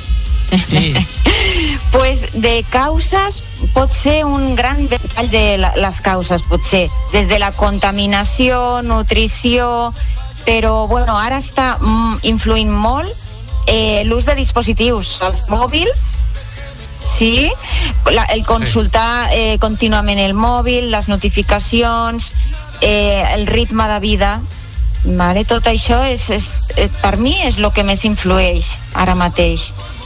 Aquests són els símptomes que ens poden revelar Bueno, això són les causes, però els símptomes Les que ens poden revelar que estem, que estem patint estrès, quin poden ser aquests símptomes? Eh, Mireia. Doncs els símptomes també és un ventall molt gran perquè, bueno, eh, jo tenia en ment uns símptomes però parlant amb, amb, amb alumnes i amb pacients i així veig que hi ha molt més, per exemple, pot ser pèrdua de cabell, eczemes de la pell, eh, però bueno, a part d'això, pues, insomni, eh, problemes de digestió, problemes de, de menjar amb voracitat o, no, o perdre la gana, eh, i després tot això que reverteix en les relacions familiars, tenir menys paciència, estar irritable, o sigui, és abarca molt, desgraciadament. I aquests símptomes poden anar associats en algun marge d'edat eh, concret o són bastant transversals en aquest aspecte? No, no, bueno, potser la gent gran mm, no tant perquè estan jubilats, se suposa, no? Llavors sí que baixes el ritme de vida i vas una mica més acorde amb un ritme més orgànic, més natural, però la resta de sectors de la societat, inclús en, ja en, en adolescència eh, i ja adults, és a dir, es lliurarien una mica els nens més petitets i els, i els adults més grans, no? Tercera edat. Però la resta, tots estem exposats a l'estrès. Uh -huh. I hi ha gent que li agrada treballar eh, eh, fer la feina que dius soc més productiu quan hi ha una mica d'estrès eh, aquest podria ser un estrès que, del que diuen estrès positiu, Mireia? Sí, eh, és a dir, cada, cada persona ha de trobar el seu ritme de treball i el seu ritme de, de vida. Llavors, què es recomana? Pues, allà on tu puguis i una miqueta més, no? Perquè hi hagi aquesta motivació de, vinga, va, de, de, de una data límit o algo que digui, va, pues me fico les piles i me poso en marxa i, i me poso en producció. Ara, si ens passem de la ratlla, d'aquest push de, de pressió i, i clar, comencem a veure que, que ens afecta als, als cicles de la son, a les digestions, a les relacions personals. Ojo, aquí ja hem de parar atenció. Saps? M'estic posant malalt, m'estic posant malalt només d'escoltar-te. No, home, no. No, i, I a més també perquè potser cada persona és un món, no? També sí que més o menys els mateixos símptomes i unes- d'això, els mateixos símptomes, però cadascú ho gestiona una mica com, com pot. Però quines tipologies hi ha de- d'estrès? Bueno, mm, més que tipologies, bueno, lo que hem parlat, no? que hi ha diverses causes i, i diverses conseqüències i també eh, davant una mateixa situació una persona potser no li genera cap problema, cap estrès i una altra persona s'estressa més pues, perquè potser és més sensible o no està acostumat. En això també l'experiència és un grau també hi ha situacions normals d'estrès. Si tu ets professor i vas per primera vegada a fer classe, pues serà un estrès que és comprensible i lògic i que amb la pràctica s'anirà passant. Això no és cap, cap preocupació. Però quan és preocupació l'estrès? Jo ho resumiria en quan pateixes més que gaudeixes. Això és l'estrès. La Mireia Matute és formadora de formadors i també instructora de tècniques de relaxació eh, que ara mateix està donant xerrades i conferències eh, molt interessants a l'Acadèmia de Ciències Mèdiques de Tarragona al voltant de l'estrès. Eh, en què consisteixen la, la, les seves xerrades, eh, senyora Matute? pues, eh, vam fer una aquest dimarts i dimarts vinent eh, tornem. Llavors, pues, s'explica una mica eh, una introducció a, a lo que és l'estrès i després una mica les tècniques, que com podem abor- abordar eh, si, si notem que estem patint mm, pues, alteracions de la son o alguna conseqüència de l'estrès, què podem fer? Doncs tècniques respiratòries, per exemple, per regular el sistema nerviós i tornar a tenir cicles de la son normal i una vegada que tenim per exemple, això ja ben regulat, ja tenim molt i llavors dimarts vinent acabarem d'aprofundir també en, també està preocupant molt eh, les distraccions, o sigui, la capacitat de concentració deguda a l'estrès que molta gent veu mermada la seva capacitat de concentració, de l'atenció, que no sap prestar atenció i això, bueno, eh, és una preocupació també. Mhm. A mi el company, l'Aleix Pérez, eh, me genera molt d'estrès. Jo faig, respiro, el, la, el 478, saps allò, no, el no, no, 4 no segons. creguis, eh? Calla, No calla, No, no, no, calla no que m'estresses. No te'l creguis. Calla que m'estresses. No te'l creguis. 4 segons respiro, aguanto la respiració 7 segons i després l'expulso lentament durant 8 segons. Eh, Molt algunes bé. tècniques més, alguns consells més per desestressar-nos, per no patir aquesta sensació d'angústia que tinc jo amb l'Aleix Pérez? La, la, la clau de tot és viure a gust en el moment present, en comptes de... Si ara tenim, per exemple, un moment de- d'espera, a, a una sala d'espera del metge o de lo que sigui, estem esperant, en comptes de fer una ullada al mòbil, eh, provem a eh, fer unos, un massatge de les mans, vale? això és de la medicina xinesa, pues fem un automassatge de mans, és molt agradable, ja sabem que té els punts reflexes també, i fem això, perquè no tant de mòbil, no? Anem una mica cap a desconnectar-nos. És que eh, provoca un estat de nerviosisme general també, el mòbil. I per anar tancant ja, senyora Matute, que considera que potser com a societat està venint una tendència a l'alça en quant a l'estrès o potser també és una mica una normalització i l'exteriorització de que la gent està en situacions doncs, complicades?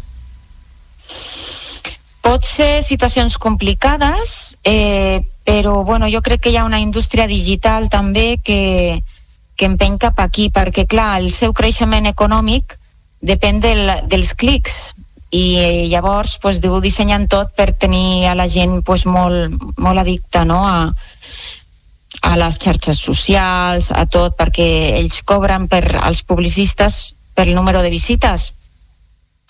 I clar, eh, aquest enganxe que ens generen no? a les xarxes socials i a internet doncs causa un, un estat de nerviosisme general. Oblidem-nos del mòbil, deixem-lo un dia aparcat i respirem, respirem profundament.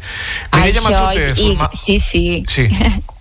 Formadora de formadors i instructora en tècniques de relaxació, moltíssimes gràcies per acompanyar-nos a la nostra secció del Col·legi de Metges de Tarragona aquí al carrer Major. Una abraçada i amb, amb l'Aleix, relax, relax. Eh, Això mateix, això, a gaudir del moment present. Molt bé. Gràcies, fins la propera. Gràcies. Carrer Major és proximitat.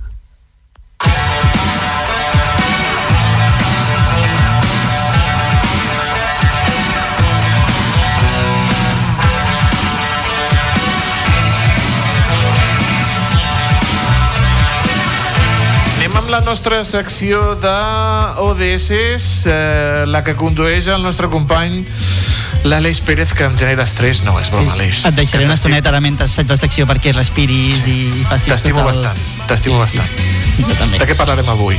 Doncs mira, parlarem de que el 27 de gener és el Dia Internacional en memòria de les víctimes de l'Holocaust. Va ser declarat per l'Organització de les Nacions Unides, unes Nacions Unides que també doncs, van ser les creadors dels nostres estimats ODS, els Objectius de Desenvolupament Sostenible. Ho podem encabir amb l'objectiu número 16, que busca al final tots els conflictes i, òbviament, també la memòria històrica. I per parlar-ne teníem nosaltres a l'eurodiputada Diana Riba per parlar-ne i també de l'acte que celebraran a Tarragona la seva vigília demà a les 11 del matí a l'antiga audiència. Molt bona tarda, senyora Riba. Hola, bona tarda a tothom. Bé, primer de tot, eh, què és aquest Dia Internacional en memòria de les víctimes de l'Holocaust i també per què se celebra tot just un 27 de gener? Bueno, tenim aquests dies que són tan importants per commemorar no? després de l'Holocaust que va haver de la Segona Guerra Mundial i per tant és importantíssim que el recolzem i que hi siguem presents perquè la història va passant però recordem que no tenim present sense recordar la història d'on venim i per tant animo a tots a demà a recordar en memòria d'aquestes persones no? que van mm, ser, bueno, d'aquest genocidi que no van només morir, sinó d'aquest genocidi que va haver la Segona Guerra Mundial. A Tarragona farem aquest acte demà, on serem presents moltíssima gent, fins i tot el, el, els alumnes de diferents instituts, d'escoles ambaixadores, i, i estarem demà a Tarragona amb tots vosaltres. Ja en parlarem una mica més endavant també d'aquest acte, però primer de tot una mica volia preguntar-li per com funciona també la Comissió Europea i quina importància té a l'organisme europeu aquesta, aquesta celebració, aquesta reivindicació de, del que va passar amb l'Holocaust i també una mica com s'intenta implementar dintre doncs, de tots els territoris no? de, de la Unió Europea. Sí, avui, per exemple, en el ple del Parlament Europeu, la presidenta Metzola, la presidenta del Parlament Europeu, hem fet també un acte eh, en memòria de l'Holocaust. Eh, ha sigut un acte, evidentment, molt, molt protocolar i formal, però el que s'intenta des de les institucions europees i avui en dia des de tots els estats membres és aquests dies com, com el, de, de, on commemorem part de la nostra història doncs, que siguin molt actius en tot el territori, eh, no només a les grans capitals, sinó en tots els pobles i territoris, i no només aquell dia. Hi ha moltes experiències i iniciatives, eh, com per exemple que teniu també a Tarragona aquestes llambordes de la memòria, no? perquè durant, no només amb actes, sinó amb, doncs en aquest cas amb, surt estàtues i no, però amb aquest, amb aquest amb, a través de l'art també que quedin els nostres carrers, posant nom als carrers, doncs la nostra memòria per no oblidar-la mai, perquè en tot cas no hi volem tornar. Exacte, no? i a més també en, en aquest context, no? després de la guerra civil i on malauradament doncs, van ser una època molt difícil, doncs també a vegades inclús va passar un segon pla, no? les històries de tota aquella gent que es va exiliar i després va acabar doncs, deportada i assassinada en camps de concentració. Sí, a vegades la memòria és injusta amb alguna part. Eh, en aquest cas ja estem parlant de centenars de milers de persones no? que van ser afectades, o podríem dir milions, tota la societat, eh, tots tot els individus d'Europa van quedar afectats per aquella guerra, eh, per aquell genocidi, i per tant a vegades, és molt injust amb alguns col·lectius. No? La memòria, en el cas de l'Holocaust, ha quedat molt centrada a nivell europeu, eh? no a nivell català, però a nivell europeu, molt al centre d'Europa, i és veritat que a vegades hem de fer esforços per recordar que, que van haver deportats i van haver eh, persones als camps de concentració d'absolutament tots els estats membres actuals de la Unió Europea. Però és un tema molt present a Europa perquè, perquè al final es, Europa es construeix després d'aquesta Segona Guerra Mundial. Es pot dir que Europa és fruit d'aquell genocidi perquè va ser l'últim que es va decidir políticament que havíem de fer algun acord conjunt per, per respectar la vida al final per respectar la vida i deixar-nos de matar en diferents guerres que havíem tingut fins al moment. I parlem ja una mica de, de l'acte que, que es farà demà, tot just en la, a la vigília. Eh, hi ha un, això anirà a càrrec, no? també tindrà un paper molt important tots aquests, totes aquestes escoles ambaixadores del Parlament Europeu. Quines escoles són, quin paper tenen i també una mica quin, què, què faran demà? Sí, aquest projecte que fa molt temps que existeix a tota Europa, que és les escoles ambaixadores, Uh, a Tarragona he de dir que en són especialment actives, no és el primer cop que vinc a fer algun acte amb, amb aquestes escoles ambaixadores uh, i el que es tracta és vincular aquestes institucions europees, vincular el projecte europeu a través de les escoles en, en aquest format d'escoles ambaixadores. A Tarragona en teniu tres, uh, d'escoles ambaixadores, no? Um, un és el Badruna, l'altre és el Pons d'Icart i l'altre és l'Institut de la Mar de la Frau. Uh, totes tres estan dintre d'aquest projecte i tenen diferents alumnes que en formen part. Al final aquests alumnes ambaixadors també el que fan és de lligam amb tots els altres alumnes que no formen part de, directe uh, de què són les institucions europees, normalment són escoles que tenen un coneixement clar no? de què funciona aquestes tres grans institucions que costa tant al final de saber quin vincle tenen entre elles, que és el Parlament Europeu per una banda, la Comissió per l'altra, el Consell Europa per l'altra i les tres estaran demà presents, on a banda de mm, una primera ofrena floral, després farem una sessió, una xerrada eh, de transmissió d'aquest dia, no? de la memòria de les persones deportades avui, es diu el títol. Ho farem amb el Llibert Tarragó, que com sabeu i segur que podeu explicar millor, el coneixeu molt millor a les Terres de Tarragona, és un testimoni de la segona generació, no? és un periodista, editor i escriptor francès i va ser un fill combatent antifeixista que és el Joan Tarragó. I també, doncs, com ha comentat abans, no? és molt important commemorar aquest dia, però també tots els altres. També quines activitats s'intenten promoure des del Parlament Europeu i de, i de la Comissió concretament per divulgar doncs, durant tot l'any aquests, aquests fets? Perdona, s'ha tallat enmig de la frase i no Sí, preguntar-li una mica pel, pels, pels actes que preparen i pensen una mica també quina, de quina manera difonen doncs, tot el que és el, tot l'Holocaust i també tota la feina que fan a la comissió. Bueno, en el Parlament Europeu el que fem bàsicament, bueno, és que és un tema que està molt present, perquè més avui en dia portem una deriva en els últims anys de disminució, veiem que s'empetiteix les nostres democràcies, amb, per exemple, tenim molt menys espai de llibertat no? i llibertat d'expressió i llibertat dels mitjans de comunicació i de pluralisme. Tot això desencam... acaba quan fas petites les democràcies és quan passen coses com van passar a la Segona Guerra Mundial. I per tant uh, és un tema molt present i és molt present en les nostres lleis. Intentem sempre des del Parlament Europeu a banda de commemorar els dies perquè hem d'explicar la nostra història doncs uh, fer legislacions, fer directives als estats membres per enfortir aquest pilar no?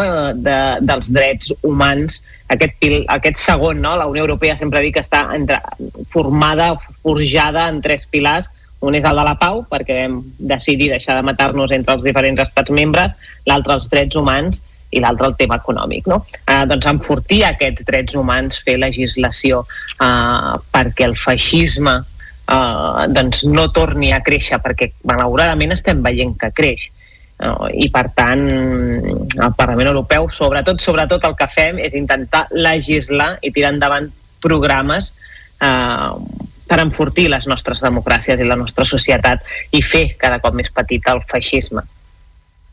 Exacte, i com vam tenir també amb l'eurodiputada farà uns mesos, la Laura Ballarín, també vam parlar que al final no, també és treballar i trobar acords dintre de la pluralitat no, política i ideològica que hi ha, però arribar a acords i a enteses.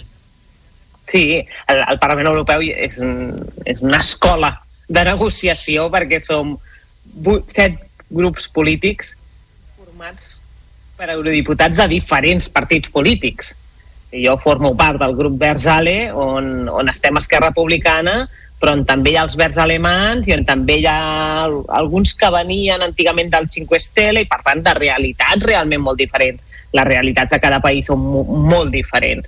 I és, un gran, és una gran escola de negociació però que sí que ens hem d'estar tots d'acord més enllà del color polític que tinguem és que les nostres societats i les nostres democràcies es basen en la pluralitat si no tenim pluralitat de mitjans d'informació, per exemple, uh, si tot està monopolitzat, com estem veient en alguns llocs com Hongria o, o Polònia, on, on els governs treballen per escanyar els mitjans de comunicació i que només n'hi hagi un um, dirigit per ells mateixos, doncs estem acabant amb les democràcies. I, per tant, amb això sí que intentem anar tots a una en intentar um, enfortir tots els sectors perquè hi hagi realment diversitat fins i tot diversitat política. Sí, molts deures i molta feina a fer a la Unió Europea i per tant també aquí a casa nostra, nostra. Moltíssimes gràcies Diana Riba, eurodiputada per Esquerra Republicana per venir aquí a explicar doncs, tot aquest dia internacional memòria de les víctimes de l'Holocaust i que vagi molt bé l'acte la, de demà. Moltes gràcies a vosaltres. Adeu, bona tarda. Bona tarda Carrer Major, la marca del territori a les ràdios locals del Camp de Tarragona. Doncs nosaltres continuem. Continuem aquí al carrer Major i ja ho saben, amics i amigues, que la furgoneta li han agafat a la Cristina Artacho. Deixat, sí. Deu haver deixat les claus o li, o li haurà pres l'Àlex Li han pres. li, li ha han pres no? l'Àlex l'Àlex Riba li ha pres la furgoneta i s'ha marxat cap a Madrid, a Fitur, en aquesta Fira Internacional del Turisme, i està entrevistant a gent molt important del Camp de Tarragona que tenen moltes coses a dir dins de Fitur. A veure què ens explica avui l'Àlex Riba des de Fitur, el nostre enviat especial del carrer Major. Àlex, molt bona tarda. Amb qui estàs avui? Tarragona, davant de l'estand de la Costa Daurada a Fitur, a Madrid. Ja estem amb la presidenta de la Diputació. Què tal? Hola, molt bona tarda. Doncs sí, cita obligada aquí al Fitur. És una cita amb l'agenda doncs, obligada per poder estar al costat del sector turístic, de turisme de la nostra Diputació amb les dues marques, no? Costa Daurada i Terres de l'Ebre, doncs fer també aquest contacte amb els diferents patronats de turisme de tota la nostra demarcació i mirar doncs, de presentar els atractius que tenim al nostre territori, que són molts i variats. Com d'important és Fitur per a la Costa Daurada i per a la Diputació? Bé, doncs és molt important perquè fem contactes eh, des de companyies aèries, eh, turoperadors, agències de viatges, per tal doncs, de que augmentem no, la, la nostra demanda en el nostre territori i que per tant el dinamisme d'aquest sector que és tan important per al PIB de la nostra demarcació doncs continuï a l'alça, sobretot després del període que hem hagut de patir tots plegats de, de la Covid en què hem de doncs, consolidar eh, aquesta mena de represa que ja existeix. Precisament com està la situació a nivell turístic eh, al nostre territori? El 2023 hi ha hagut molt bones dades, eh, tant per ocupació com també pel nombre de pernoctacions, sobretot doncs, Costa Daurada ja sabeu, doncs, més amb un públic, amb un mercat més internacional, però Terres de l'Ebre amb un mercat més nacional, més català, que doncs, ens va conèixer també arran de, de la Covid, on es posava molt més en valor tot el que fa referència a la sostenibilitat ambiental, al contacte amb la natura, un turisme més familiar. Per tant, el nombre de pernoctacions. Doncs estem assolint ja, tant amb una marca com en l'altra, més o menys les xifres del 2019, potser una miqueta inferiors encara, tot i que ha augmentat el nombre de visitants, perquè les estades doncs, són una miqueta més curtes, segurament una miqueta influenciats per el, la situació una miqueta d'augment de, de, doncs, del preu de la bossa de la compra, una miqueta no, de crisi econòmica que sí que percebem, però que en canvi amb l'augment del nombre de visitants doncs queda de, del tot eh, pal·liat. I d'altra banda també pel que fa a l'aeroport de, de Reus també molt bones xifres perquè aquesta vegada sí que també hem superat ja el milió de passatgers i per tant hem augmentat en percentatge també aproximadament un 14% doncs el nombre de, de passatgers en relació amb l'any passat, amb el 2022. I les expectatives pel 24 també són molt positives perquè doncs augmentem també el nombre de rutes, ara en teníem 23, en tindrem 26, augmentem també el número de companyies aèries, eh, estàvem amb 5, ara ja ens n'anem amb 8 i segurament les previsions és d'un augment d'aproximadament un 16% també d'activitat de, de passatgers. Per tant, rondarem el milió 100, el milió 200.000 passatgers a l'aeroport eh, aquest 2024. Pel que dius, sembla que no s'estigui notant ja la guerra a Ucraïna. Bé, en certa manera sí, pel que et deia de, de la despesa que puguin fer, per exemple, els turistes, sí que és cert que augment, doncs, amb el tema de la despesa hem vist una miqueta de disminució i amb el tema de les pernoctacions tampoc no hem arribat encara al 2019 perquè no s'allarga massa l'estada eh? per tant, eh, si estàvem al voltant dels 4 dies ara potser estem als 3,6 de mitja d'estada, per tant amb això encara hi ha marge de, de millora però com et deia, les perspectives de cara al 24 són molt bones per exemple, en tema de vols és molt important que l'aeroport de Reus eh, hagi mantingut vols molt importants com el de Reus-París, eh, que, que començarà ara ben aviat, el 31 de març, i també que hàgim recuperat la companyia EasyJet amb vols cap a Londres-Luton i cap a Manchester, perquè ja sabeu que per Costa Daurada sobretot doncs tot el que és el mercat britànic, el mercat anglès és important i ara havia disminuït una mica en favor del mercat irlandès. Hem de mirar de recuperar també el que és el mercat britànic per eh, contrarrestar doncs, aquella davallada que hi va haver en el seu moment del mercat rus, que va ser doncs, un mercat molt important, també pel fet de que allargava bastant el que era la seva estada, no? i per tant també el nombre de pernoctacions. Però bé, el, el sector està animat, des de la taula de l'aeroport de Reus doncs, eh, s'està fent un esforç constant per mantenir aquests vols i fins i tot doncs, per augmentar-los i crec que hem d'estar animats i que crec que això es palpa també avui aquí en el Fitur. Avui també ens hem trobat amb una novetat i és que Salou compta amb un estant propi, això sí, dins de la Costa Daurada. Com ha sorgit eh, aquesta novetat? Forma part del conveni Corner, novament l'Ajuntament de Salou, l'any passat doncs, no hi va ser, enguany torna a ser el conveni Corner, de la qual cosa doncs, n'estem francament contents, perquè això doncs, enforteix la, la marca Costa Daurada, però és cert que doncs, disposa d'unes peculiaritats dins, de, dins del nostre corner, no? d'aquí de, de Costa Daurada, perquè és evident que Salou té unes potencialitats com les té doncs, altres municipis com pot ser Tarragona, com pot ser Reus com pot ser Cambrils doncs que s'ha parlat amb el president del patronat de la Diputació de Turisme i que hem convingut que estaria bé que tinguessin aquesta presència amb aquesta peculiaritat.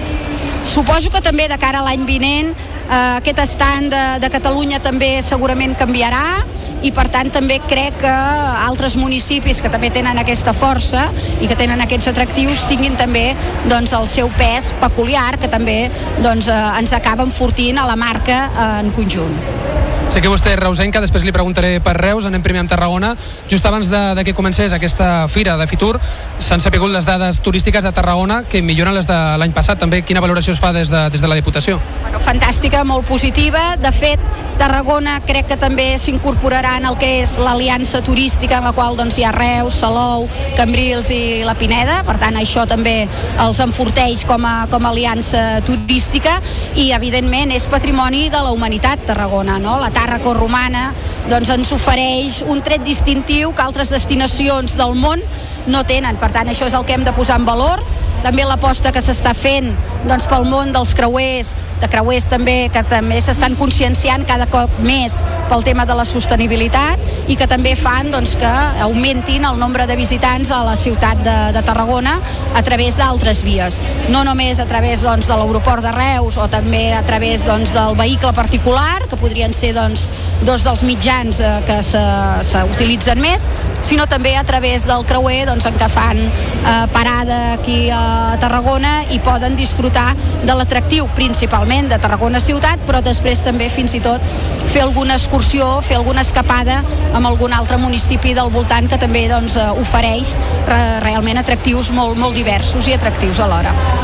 I a Tarragona, sí, passem a Reus. Eh, quina és la situació turística de Reus? També molt positiva. De fet, les dades ara últimes que disposem en la campanya de Nadal són realment molt, molt, molt positives, en el sentit que hem augmentat el nombre de visitants en molts dels equipaments turístics que tenim. Per exemple, el Gaudí Centre més del 20% i l'Institut Pere Mata també gairebé un 40% més de visitants. Això també és fruit doncs, d'aquesta doncs, inversió que s'ha volgut fer en el Pere Mata, no? perquè hi hagi aquell espai immersiu, i que també s'hagi apostat doncs, perquè es vegi com una de les obres referents del també genial arquitecte d'en Domènec Montaner, que com sabeu aquest 2023 hem commemorat l'any i això també ens ha ajudat a que molta gent conegués la, la ciutat de Reus a partir de l'obra de Domènec Montaner. Però d'altra banda també altres atractius que estem promocionant molt i que hi volem posar molt d'èmfasi com a ciutat, que és la marca Vermuts de Reus. Creiem que tot el que fa referència a l'enogastronomia doncs, és un pilar fonamental a nivell turístic i ho potenciarem i ho potenciarem molt també aquí a la ciutat de Madrid perquè creiem que és un públic, eh, un mercat evidentment nombrós i que es pot sentir atret doncs, per tot el que comporta eh, doncs, el món del vermut no, no només conèixer doncs, la seva història com s'elabora, etc sinó també gaudir d'un vermut que també és un acte en definitiva social i que pot venir acompanyat doncs, també de degustacions gastronòmiques Noemí Llaurador, president de la Diputació, moltíssimes gràcies. Doncs ja ho veieu, companys, eh? les dades turístiques de Tarragona estan en auge, cada any estem eh, millorant, estem superant rècords. Esperem que aquest també sigui un molt bon 2024. Així ho esperem, perquè té tota la pinta que aquest 2024 serà un any de rècord pel turisme al Camp de Tarragona. Per cert, a Madrid eh, s'estimen molt el vermut de Reus, eh? Hi ha molts bars Sí? que, que hi ha... Sí, sí, sí, sí. Hi ha el, sabia les això. aixetes, grifos, grifos de vermut de Reus. Sí, sí. Grifos de No sabies vermut de això, eh? No. Eh, Vaig, No, és no, que, hi fica clar, jo a Madrid, de Reus. clar, jo a Madrid hi vaig anar, però clar, jo hi vaig anar quan tenia 16 anys. I clar, Bueno, i, haurà, i toc. ara... ah, la meva visió de Madrid jo crec que canviaria bastant ara mateix. Toca, toca una altra visita, eh? Madrid Sí. és una ciutat eh, fantàstica, eh, plena de madrilenyos, què l'hem de dir? Sí, home, de fet, si no ho estigués, em preocuparia i tot, eh? Bueno, no hi ha, no hi ha, hi ha més gent de fora que de Madrid, eh? Això també t'ho hem de dir. Els nostres enviats especials a Fitur, que els acompanyen durant aquesta setmana, durant aquests dies de la Fira Internacional de Turisme a la capital de l'estat espanyol. I nosaltres, amics i amigues, que hem arribat al final del nostre programa d'avui dijous. Per demà, Aleix, molta música. Espera't, eh? Perquè demà... Sí? Què tenim demà? Demà tenim... tenim els Norte, que venen aquí a tocar-nos un parell de temes. Aquí als estudis de Ràdio La Selva vindran. Sí senyor, sí senyor. Fumaràs aquí en Cabits, ostres. Doncs... Els tindrem aquí i els posarem cafè i, i pastetes a la tarda. Els rebreu amb, amb, el- els màxims honors, no? Home, sempre, sempre. I poden recuperar el programa d'avui de tots els dies de la setmana a la seva ràdio a la carta de la seva emissora. Gràcies, Aleix. Fins demà. Gràcies a tu, Toni. Espero que no hagis respirat molt durant el programa d'avui i ens veiem demà. I a tots vostès, els emplacem demà a la seva emissora de confiança.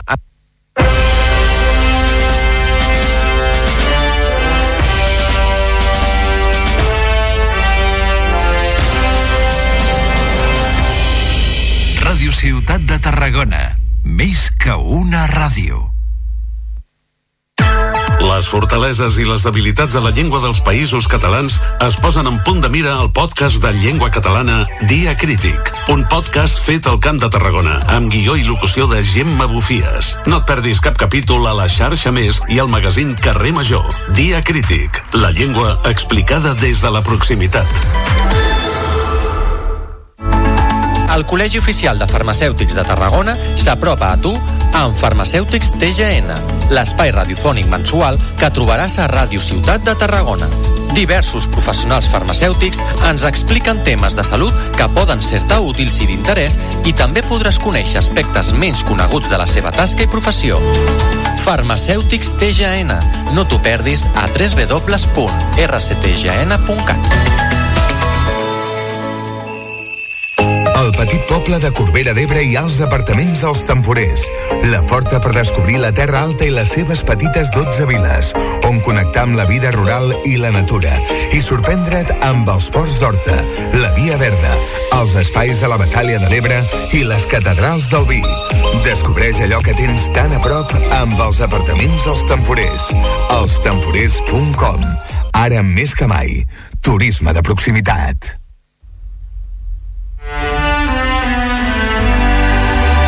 Si veus la comunicació com un problema, confia en Quimeres, l'empresa de comunicació de Tarragona que et donarà una solució a mida. Visita'ns quimeres.cat La solució? quimeres.cat.